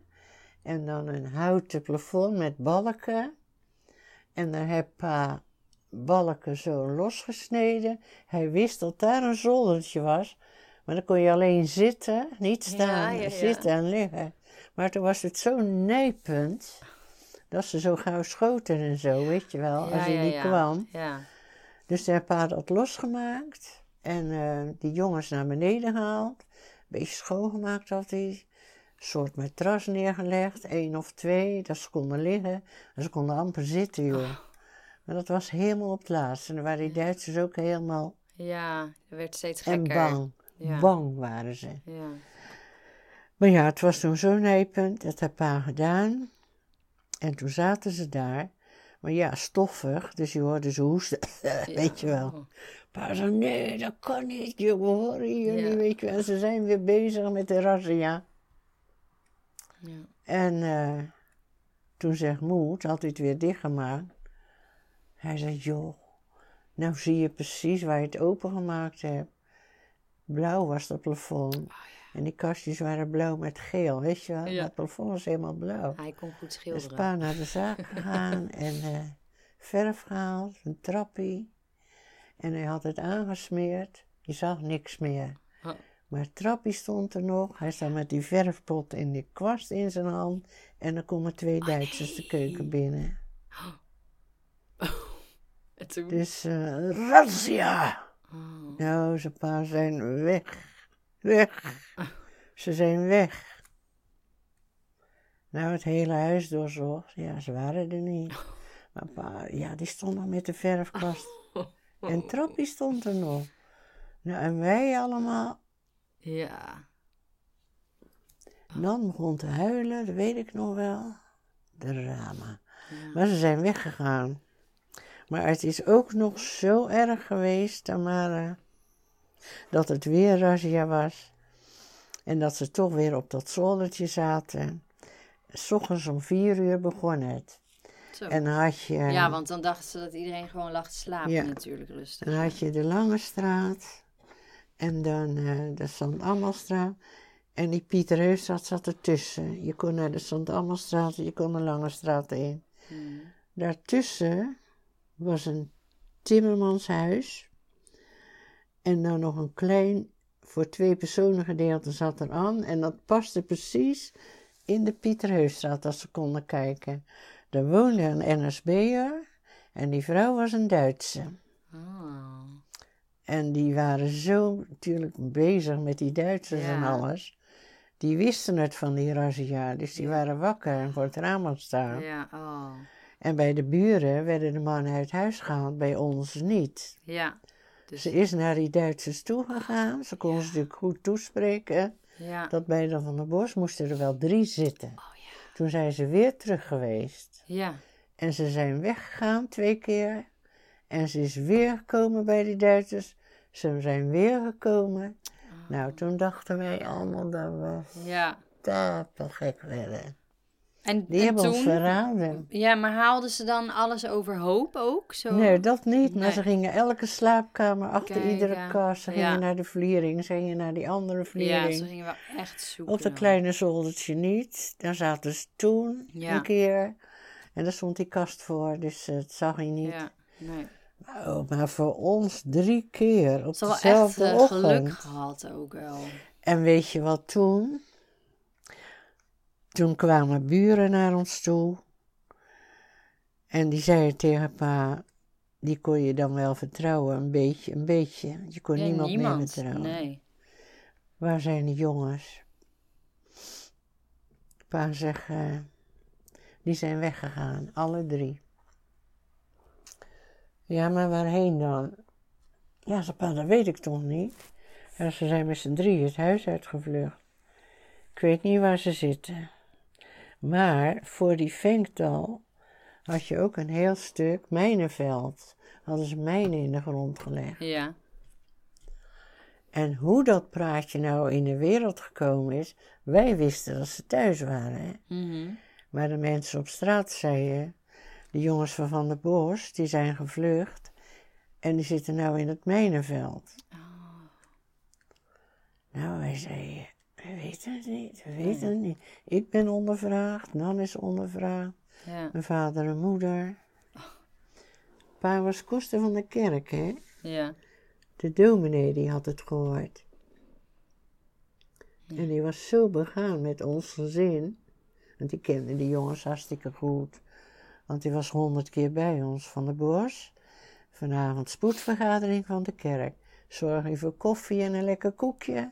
Je was kind bij ons in huis, weet je wel. Ja. Dus, eh, en toen kwam die, die had het ook gehoord als ze in het mijnenveld zaten. Toen kwamen ze. Nou, pa zegt, kom verder.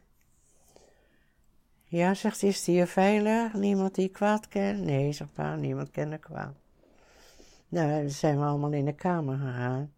Toen zegt hij van de bos, nou hoor ik dat die drie zoons van u in het mijnenveld zitten. Is dat waar? Ja, zegt pa, ze zijn gevlucht, we weten het ook en ik hoor het steeds meer. Dus zal wel. Ja. Hij zegt, zullen we voor ze bidden? Pa dorst geen nee te zeggen, Nee. al was het veilig. Ja. Je kon niks, Nee. niemand vertrouwen. Nee. Nee. Zelfs je dominee niet. Nee. Toch erg. Ja. Dus ja, die hebben met eh, ons zitten bidden voor de jongens of ze er veilig uit Die mochten zaten komen. ondertussen boven. Pa is s'avonds wel naar de dominee gegaan, Oh, naar ja? zijn huis. Is hij het Oh. gaan vertellen. Hij zegt ook, een gebedje voor de jongens in deze tijd kwam ik kwaad.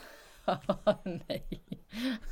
Maar Nee. pa dorst, wij dorsten geen, eh, Nee, ja, snap ik. niet te zeggen dat ze hier waren natuurlijk. Nee, nee. Echt, je kon helemaal niemand meer. Je beste Nee. vriend ook niet. Je, mocht, je moest gewoon zwijgen. Ja. Heeft u dat dan later, heeft u daar dan nog last van gehad, zoiets? Wat is nou de, wat de grootste impact heeft gehad op u, na de oorlog ook nog? Dat ik in die bunker zat. Ja, En die jongens op het zoldertje in de keuken. Ja. Dat pa met die verfkwast nog stond. ja. En die verfpot aan zijn hand. En trappie. En qua vertrouwen, u kunt wel, bent wel weer mensen kunnen gaan vertrouwen daarna. Of is dat nou, lastig? weet je. Je was te jong. En je bent zelf zo gewoon. Denk erom dat je je mond houdt. Ja, Denk erom dat je het niemand ziet wat je gezien hebt. ja, ja. Weet je wel? En je sidderde gewoon Ja. af en toe. Dat waren je vader en moeder. En ja, met de paplepel is niet ingegoten, maar het, het was eenmaal Wel oorlog. zo gevormd. Maar je ja. kon totaal niemand meer vertrouwen. Nee, bizar. Nou, en toen liep ik een keer op het dorp boodschappen doen. En eh, ik was helemaal aan het eind geweest. En het was kort na de middag. Oh, het was een noodslachting. Er was een paard, die had dan zijn poot gebroken en dan kan het niet meer gemaakt worden. Dan slachten ze zo'n paard. Nou, en in de oorlog, Dan hadden ze zo'n paard helemaal verdeeld, weet je wel. En dan ging er een omroeper, een man op de fiets. En die had toen aan zijn stuur zo'n leertje. En er hing dan zo'n koper bord aan. En zo'n hamertje. Ja, ja, ja. En dan iedereen naar buiten. Heden, vandaag, bij die en die.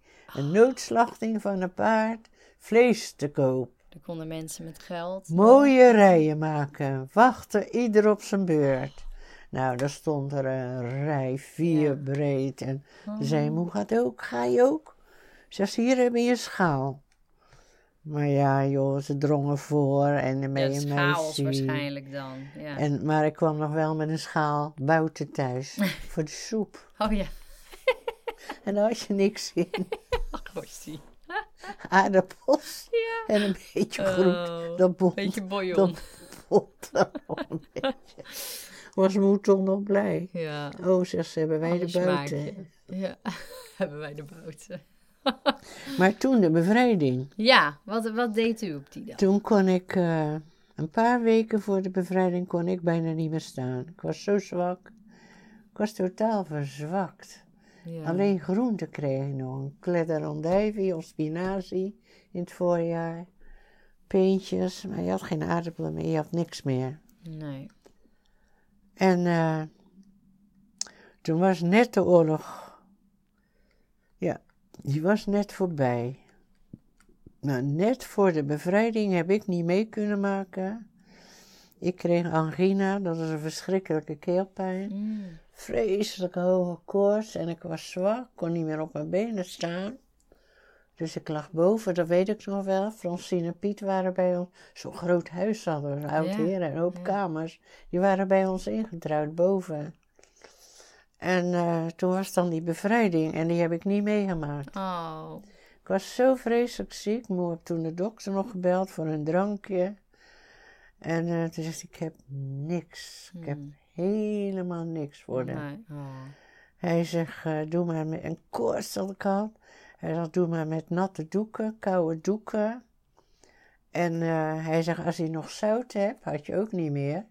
Maar ja, een pond zout, vroegen ze toen 25 gulden voor. Nou, mijn vader kon zo niet eten en ik had een neef, die deed in die zwarte handel. En die verkocht zout. Hmm. Dus ik moest voor 25 gulden een pond zout bij hem halen. Wow. Per gratie. Omdat je familie was, kreeg je het.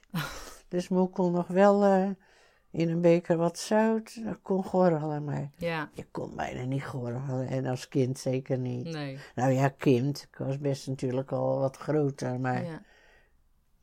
Nou ja, ik was zo vreselijk ziek. En Piet vond het zo erg die boven woonde. En ik hoorde een herrie op straat en een muziek en juichen, zingen. Ja. Ze zijn dan dansen geweest. Dat Piet zei, potverdorie, nou leg jij hier en dan kun je niet naar de bevrijding. Hij zegt, kom, ik zal je even bij mij in de kamer voor het raam laten zien. Dan kun je de Oh, vlaggen ja. allemaal zien. Want ja, de Piet het was allemaal in die lange straat, joh. Ja. Ja. En dat kon ik niet zien. Nee. Nou ja, hij zette me op het raam en stond, oh leuk, al die vlaggen. En toen ben ik flauw gevallen. Oh. Toen heb hij me weer naar bed gedragen, ja. Oh. Maar ja, Ja, toen eh, ben ik toch wel weer opgeknapt. Knapt. En je had natuurlijk eh, die Nederlandse meiden.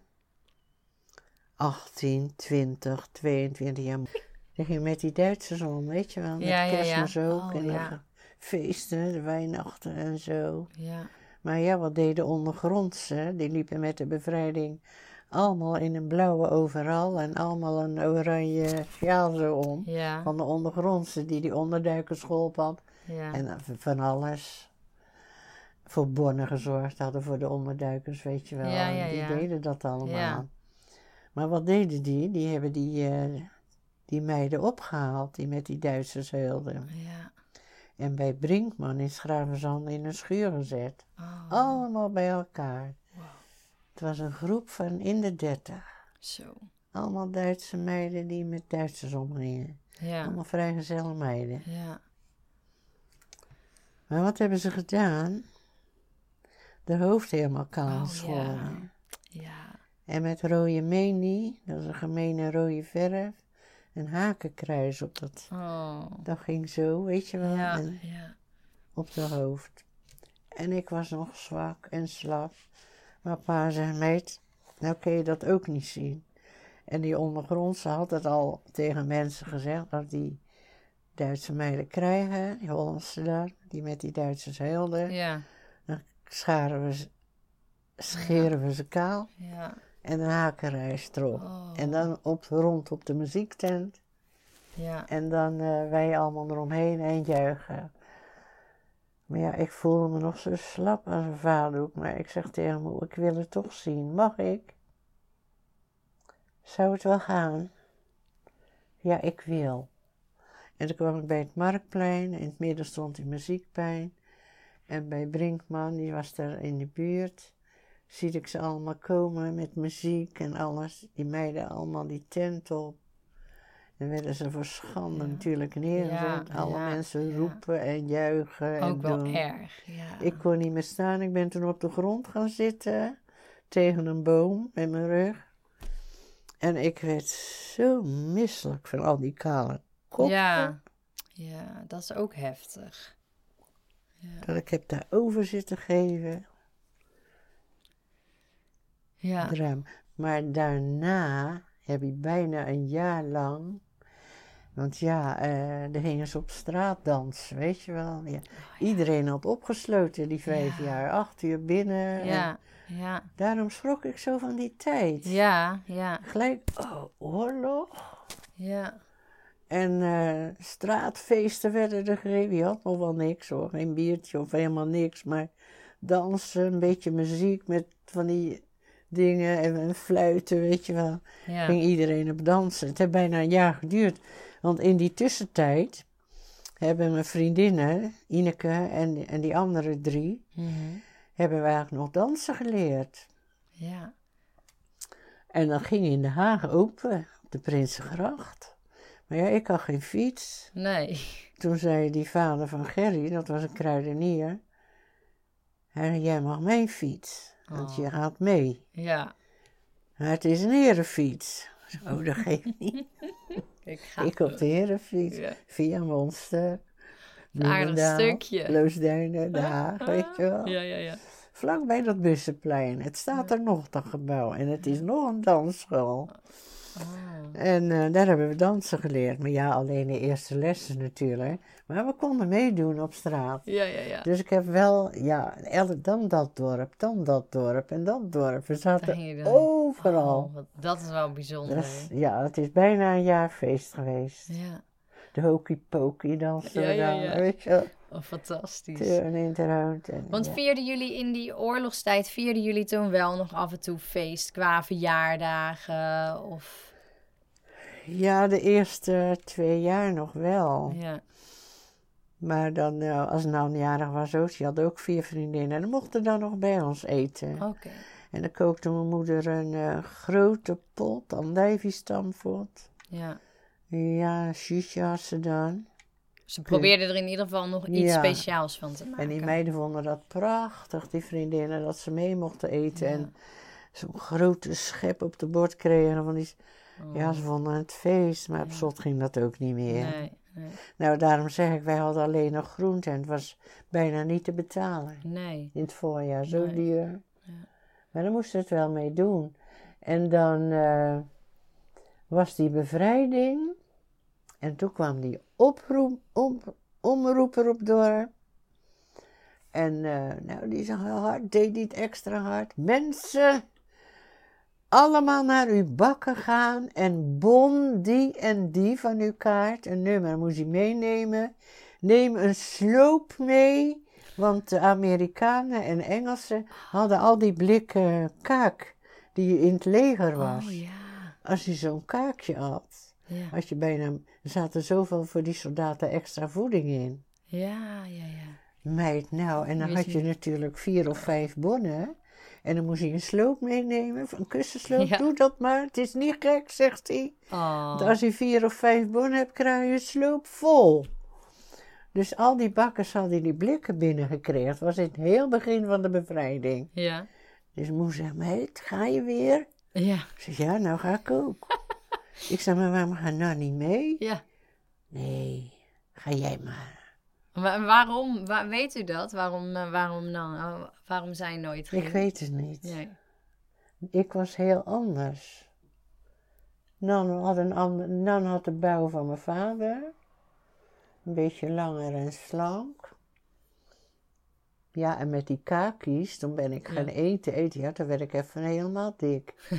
maar moe zei, die had dat niet door. Moe zei, je mag eten wat je wil hoor. Ja. Als je wil, pak je maar. Ja. En mijn vader had zo'n zo'n leeg tonnetje met een deksel erop. Had hij helemaal schoongemaakt. En eh, hij zag niet in dat sloop laten staan, dan worden ze zacht, in dat tonnetje. Ja. En je mag pakken als je wil hoor. Dus ja, nou, iedere keer koekjes. zo. Maar er zat extra voeding in, joh. Ja. Oh, lekker. Maar daar kookte mijn moeder dan. Ook pan had ze melk, Ja. tapte melk. Ja, ja, ja. Het was meer water als melk. Brak ze die kakies en dan kookte ze pap van. Ja. Je hebt nog heel lang kaakjes gegeten. Dus ik heb kakies gegeten dat bijna barstte. en dan een paar kakies. Maar de jongens namen zakken mee naar de werk, weet je wel. Ja. Maar dat ging verder. Toen kwam Zweden. Die ging Nederland helpen. Zweeds wittebrood. Ja. Ja. En eh, weer op een bon. Ga je weer? en dat was dan in de veiling. Oh, joh. Een tijd gestaan voor ik aan de beurt was. Maar dan moest je, je had allemaal een bonnenkaart, hè? Ging, gingen we dan alleen of met een vriendin? Altijd alleen. Ah, En eh, dan zei die man, de bonnen die geldig waren, ja. die hoefde je alleen maar mee te nemen. Niet je hele kaart, want die werd daar geroofd, hè? Hmm. Ja, ja. Dus die eh, deed mijn moeder dan in een stukje papier en deed ik dan in mijn zak. En dat maakte ik dan pas open als ik ze in moest leveren. Ja. Nou, dan eh, stond ik in de rij. En dan zei hij, eh, ben jij aan de beurt? Dan zei ik, ja. Heb je bonnetjes? Ja. Nou, dan had ik een grote tas. Gewoon met twee handvaatjes. En er was een soort linnen. Mijn moeder noemde het altijd een ridicule, weet ik nog wel. Grote boodschappentas. Ja. Nou, daar kreeg ik twee hele witte broden in. Ik kreeg twee hele grote blikken pork. Dat was dan een soort met prak. Allemaal, allemaal soldatenkost was het. Ja. Voor in Ja. de oorlog, weet je wel. Ja. Twee hele grote reep chocola. Een blikje met boter, zo. Ja. Zat er nou nog meer die reep chocola?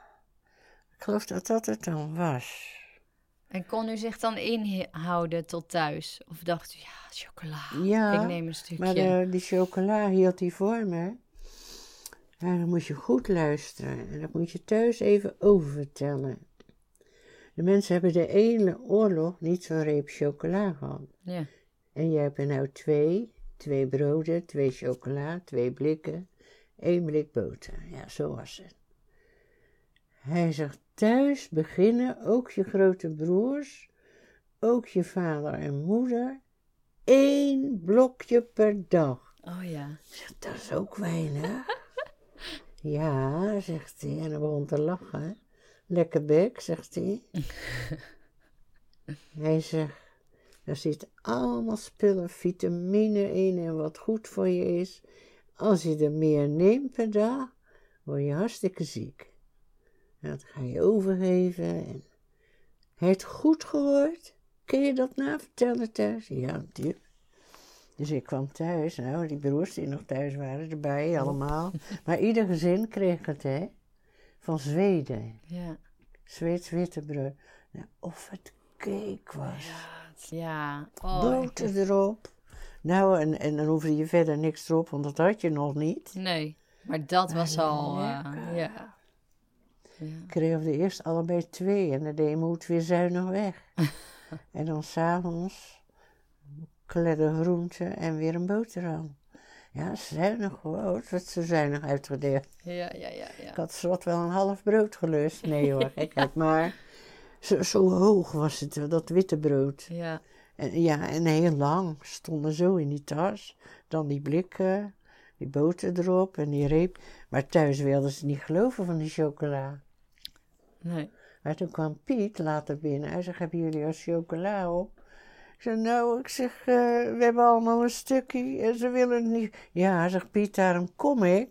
Hebben ze het je uitgelegd? Ik zeg, ja.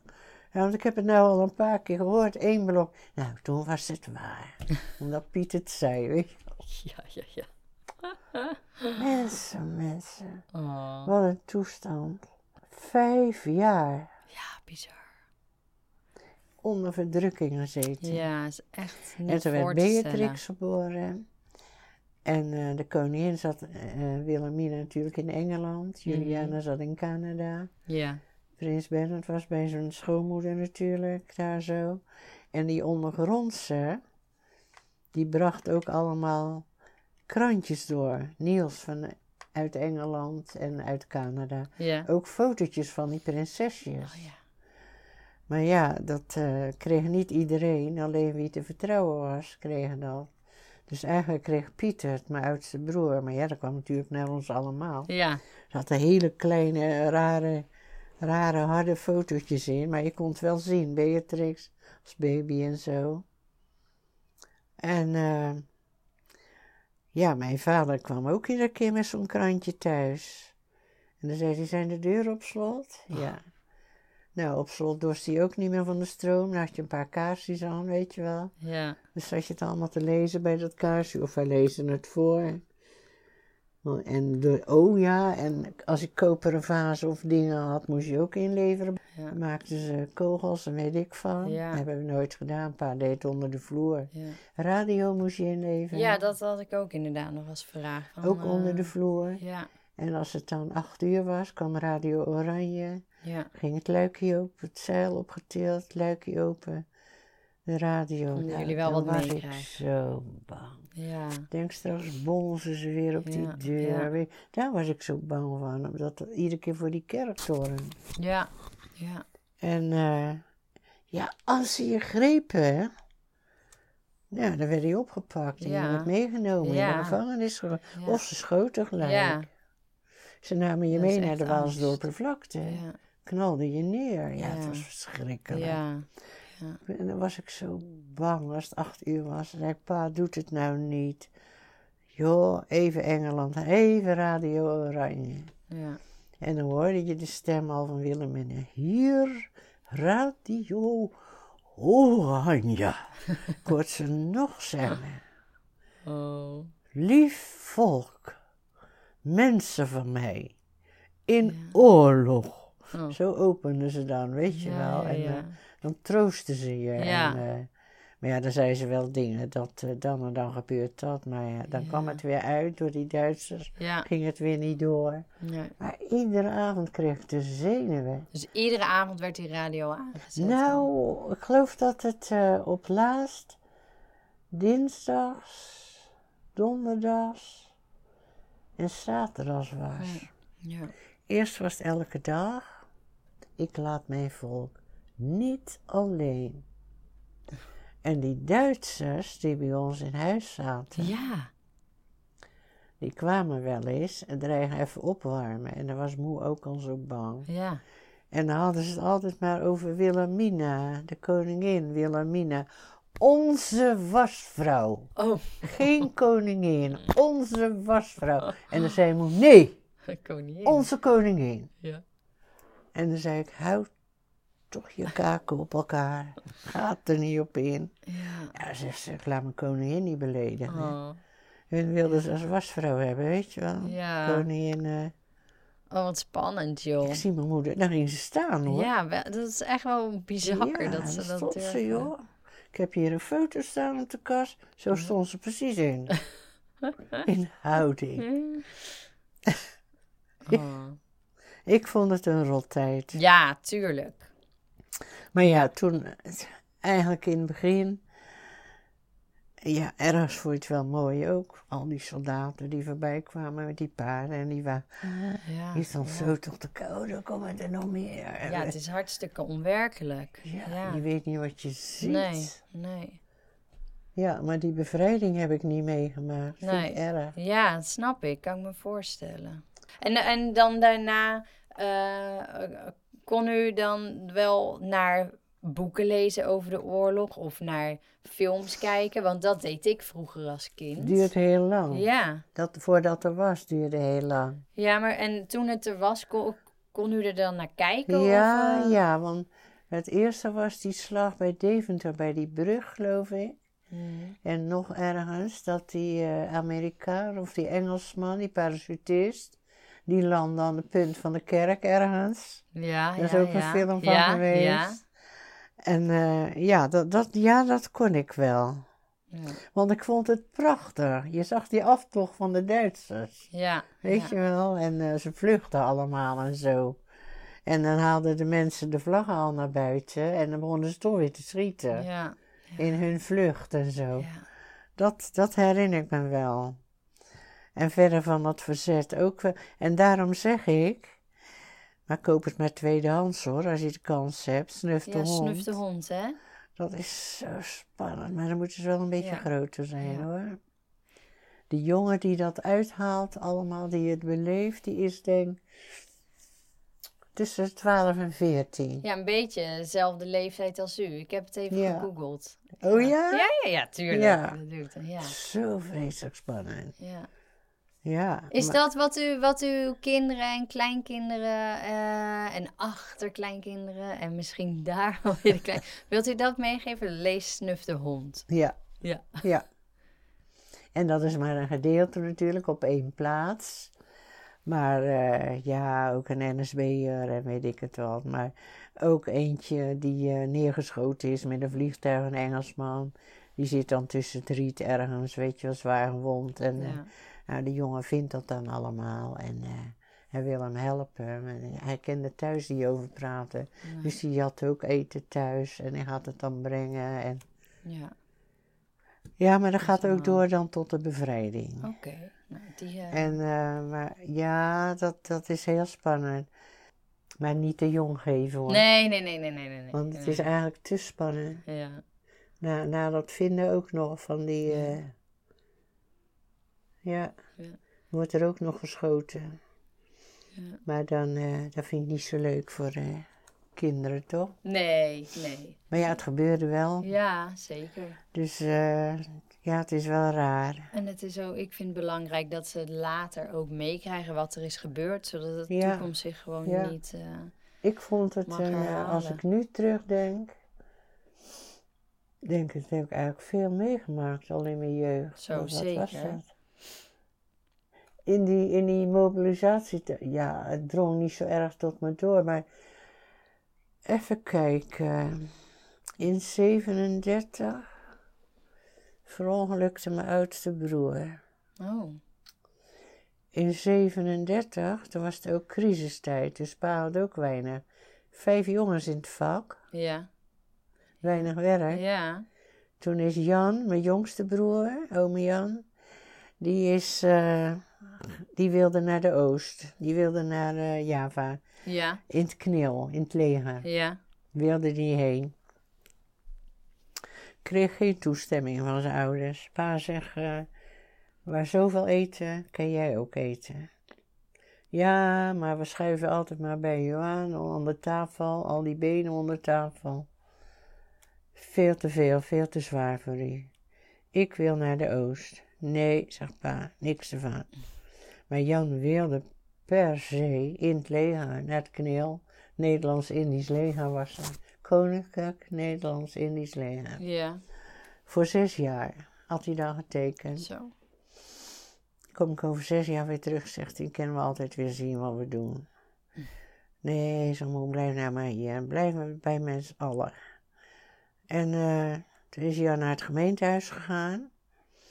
En toen heeft hij daar zijn verhaal gedaan. En toen heeft hij gezegd dat hij dat wilde. Hij is stiekem naar Nijmegen gegaan, waar de Oh. opleiding was. Ja. Had hij gezegd dat hij een weekendje met iemand wegging, was hij ook. Maar hij heeft zich daar aangemeld. En eh, hij is toen niet gelijk gekeurd, maar later Nee. weer een keertje weer is hij daar gekeurd. Hij is goedgekeurd, zijn Oh, lengte en alles. Ja. En, eh, maar een enorme zware opleiding kreeg hij daar, maar vrij kort. En dan kon je naar- met de boot mee naar eh, Indië toe. Ja. Had hij allemaal al gedaan. Terwijl dat zijn ouders niet wisten. Toen zei ze, je moet naar het gemeentehuis en we moeten toestemming hebben van je ouders. Krijg ik niet, zegt hij. Ja, dan lukt het niet. Ah, Dus ja, dat is heel wat voor hem geweest. Nou. Maar op het gemeentehuis hielpen ze hem wel. En hij had daar zijn verhaal gedaan. En toen zei ze, dan gaan wij wel met je mee van het gemeentehuis. Twee man naar je ouders. oh. Dus ochtends met eten te zeggen, Jan, eh, vandaag komen er twee mannen van het gemeentehuis. En want ik wil toch naar Indië toe hoor, in het leger. En die komen even met jullie praten. En dat gebeurt niet, zeg pa. Je gaat niet weg. Je bent de jongste, je blijft hier. Maar ja, Jan bleef ook thuis. En eh, die twee van eh, het gemeentehuis kwamen ook. En die hebben zo met mijn ouders zitten praten. En niet gedwongen hoor, maar dat ze toch op slot getekend hebben. Nou, Jan blij. Nou, die moest die week later al weg. Naar Nijmegen opleiding gehad. Hebben we een paar maanden niet gezien. En het kneel had een heel mooi eh, soldatenpak, hè. Ja. En dat was eh, legergroen. En dan een eh, platte pet met een klep. En een donkerblauwe cape, een lange. En dan witte handschoenen. Met een werk hadden ze dat natuurlijk niet aan. Dan hadden ze zo'n werkpak. Ja. Maar als hun over straat Dan gingen of uitgingen, Ja. moesten ze dat aan, het galapak.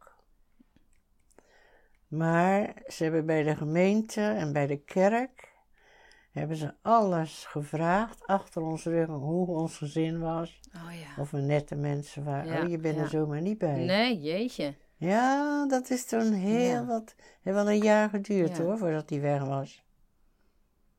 En, eh, nou ja, dat was dan voor de oorlog natuurlijk. Ja. Dus was ik nog kleiner. Ik zat op de lagere school. Maar hij is goedgekeurd, maar daar was hij toen maanden. En toen moest hij naar huis een weekend. En dan moest hij dat galapak aan Ja. handschoenen aanhouden, met de trein, met de bus en schraven Mhm. Hij wist geen raad. Ja, dan moest hij door de, door de lange straat, nou allemaal naroepen en dan, hè, Ja. wat heb jij in je hoofd, weet je wel, allemaal zo natuurlijk. En toen stond hij bij ons voor natuurlijk. Ja. Dus Oh, en dat wist je ook niet. Ja.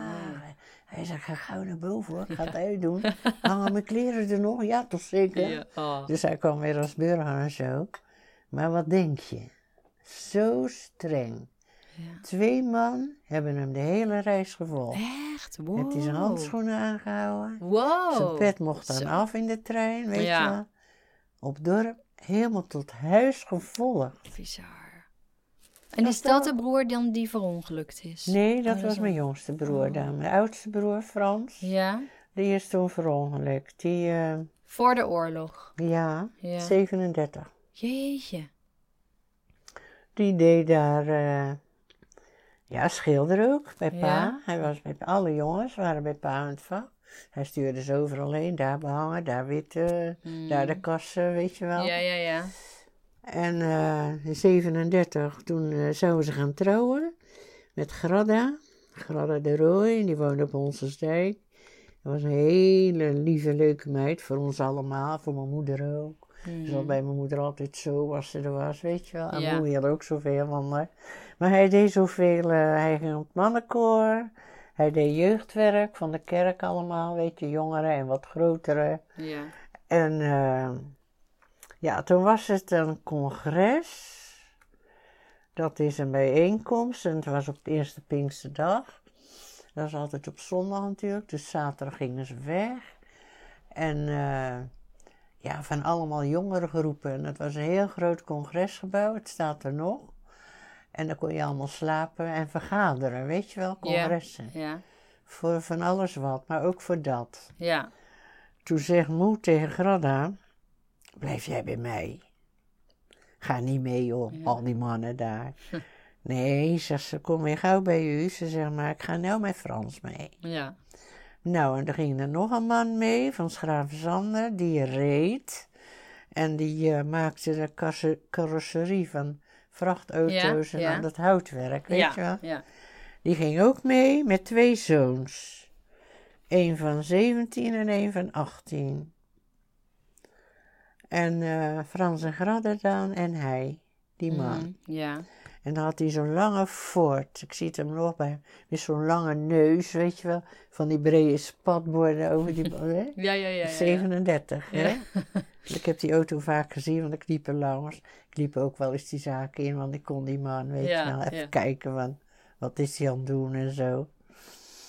Nou ja, ze zijn gegaan. En eh, tweede Pinksterdag s'avonds zouden ze weer thuiskomen.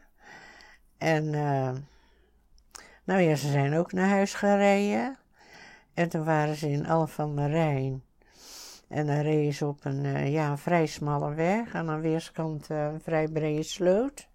Oh. En ja, ze waren niet dronken of niks. Want ja, dat deed je vroeger eigenlijk geen. Had je amper geld voor, toch? Ja, ja. En eh ja, reden daar. En er schijnt er een stuuras gebroken te zijn. Oh, dus die auto is zo in die, in die sloot. Oh.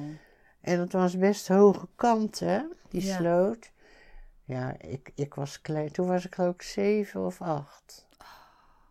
Ja, Heftig. en ehm, toen is dat dan gebeurd. Oh. Maar die sloot was zo diep. Zijn En ze hebben geprobeerd eh, die deuren open te doen. Dat ging niet. Ze zaten tegen die kant aan. Hadden ze nou, ja, anders hadden ze ook gestikt. Ze hebben de ramen open gedaan, dus het water kwam binnen. Ja, Ze zijn eigenlijk verdronken. verdronken. allemaal? Ja. Oh.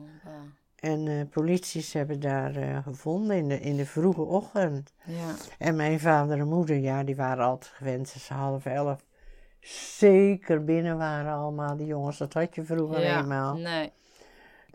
De hele nacht opgelopen in die lange gang. Heen en weer, heen en weer. Oh, ja. Waar blijven ze, waar blijven ze? Ja. Nou is er wat gebeurd, nou is er wat gebeurd. S ochtends om vier uur wordt er geklopt, want we hadden geen bel. Als we de deur open deden, ging er een bel.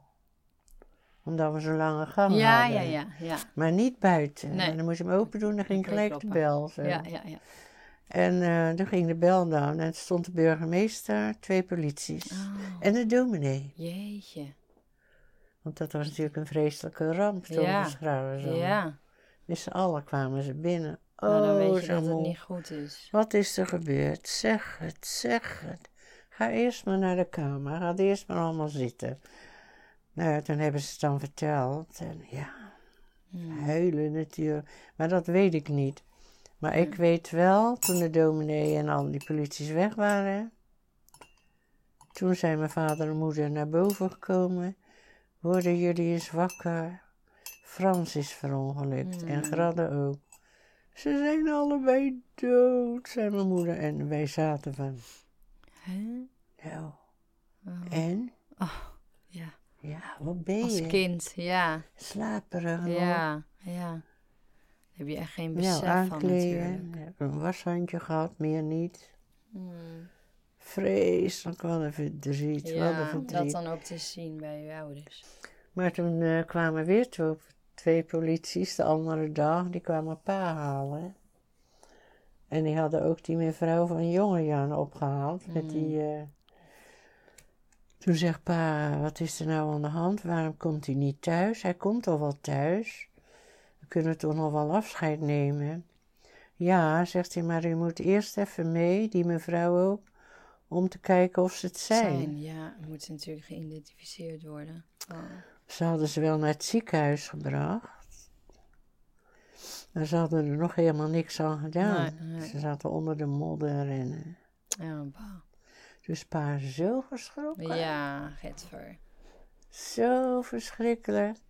Die kreeg s'nachts thuis zijn eerste hartaanval. Oh, Getsie. Oh. Dus ja, dat weet ik allemaal Ja. niet, want wij lagen op bed ja, natuurlijk. gelukkig maar ook. Die jongens wakker gemaakt en die hebben de dokter gehaald. Ja, het was een hartaanval. Ja. Maar mij thuis vroegen, vroegen ze thuis witte lakens voor de ramen. En, eh, maar hij stond dan opgebaard in die alkoof. Heb ik gezien. Ik mocht kijken. Ik zie hem nog liggen. ja. En mijn moeder heb ik ook gezien. En die kan bijna niet voor me halen. Maar hem, Nee, ja, dat heeft heel veel indruk. Precies. Ja. maar dat is de allereerste Ja, keer geweest. ja. Zou het niet. ja, dat denk ik. Ja. Maar er zijn er mensen geweest. Ja. Vier dagen lang. Wow. van s ochtends negen uur tot s avonds acht uur. De galg zo vol. Ze zaten op de trap. Gek, hè? Ja. Ja. Maar ik was acht, zeven, acht. Ik vond het eigenlijk een beetje feest, al die mensen. Ja. Ik begreep het niet. Nee, nee, dat snap ik. Nee, dat snap ik. Er gaat ook af en toe de gewone wereld weer al die mensen Ja. Maar mijn vader en moeder maar huilen, Ja. huilen, huilen. Nou ja, toen kwam dan die vijfde dag natuurlijk de begrafenis. kwamen alle ooms en tantes. En eh, dat was vroeger ook zo, met de begrafenis. De vrouwen bleven thuis. Mm. En alleen de mannen gingen naar het Oh. graf mee. Oh. Heel vreemd.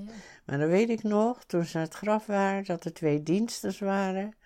En die trokken schuif uit de tafel en papier erover. En bordjes en kopjes en allemaal schalen met klaargemaakte broodjes. Koffietafel na een begrafenis. Thuis. Ja. ja. Nou, en er zat moe in de leunstoel hier bij die tafel. En pa Oh. daar en ik zat in het midden, dat moest. Nou, verder allemaal ooms en tantes. Ja. Ook best al een beetje oud. ja. En het was stil. Iedereen was natuurlijk verdrietig. Verdrietig, Iedereen ja. dorst amper wat te zeggen. En toen heb ik de hele boel aan het huilen gemaakt. nee, maar mijn bedoeling niet hoor. Maar toen zeg ik onder het eten, pa. Nou is Frans in de hemel, hè? Ja, pa begint te huilen, moe begint, het hele zootje. Ja. met- Oh. Wat heb ik nou gezegd? Ach, goeie. Maar zulke dingen had ik heel sterk. Ja. Want zondagsavonds moest ik altijd met mijn vader een eentje wandelen. Was hij trots. Ga je mee, Trien, wandelen? dat was een lange, slanke, maar dat is een mooie man om te zien. Maar ja, daar staat een foto en die is gemaakt kijken. net na de begrafenis van Frans. En Jan ging naar Indië, daarom is die foto gemaakt. Ah. En Arie trouwde, alle drie in 37. Dus eh, dat was wel wat voor Ja. mijn ouders. Ja. Maar goed, joh, eh, toen ging ik met mijn, v- waren we naar het strand gewandeld. En toen zaten we vooraan boven op dat duin. En de zon ging onder. Dus vanaf de einde af zie je dan zo'n grote straat van licht. Dus ik zit op dat duin zo te kijken. Toen zeg ik tegen pa, ik heb hem ook weer onthuilen gemaakt. Ik zeg, pa, het is net een gouden straat. Ga je zo naar de hemel? Oh. Ja, zegt pa. Oh, goeie. Oh. En dan ging hij weer. Oh. Dus ja, zo'n kind was ik. Oma, ik wil u onwijs bedanken voor dat u het verhaal heeft willen delen. En ik hoop echt dat de kinderen en kleinkinderen en achterkleinkinderen dit allemaal kunnen luisteren. Ja. Nou. Tamaratje, zo bijzonder is het niet, want ik heb lang nog niet alles verteld. Nee. Maar ja, eh, oma is een beetje oud. Maar vergeten doe je zulke dingen nooit. Nee. En het spijt me, ik kan ze nog niet vergeven. Nee. Het is te erg en te spannend geweest. Ja, het heeft gewoon een hele grote impact gehad. Maar ik ben blij dat ik zo oud ben en dat ik het toch nog terug kan vertellen. Zeker. Het is echt Daar bijzonder ben ik hoor. zelf toch wel een beetje trots op.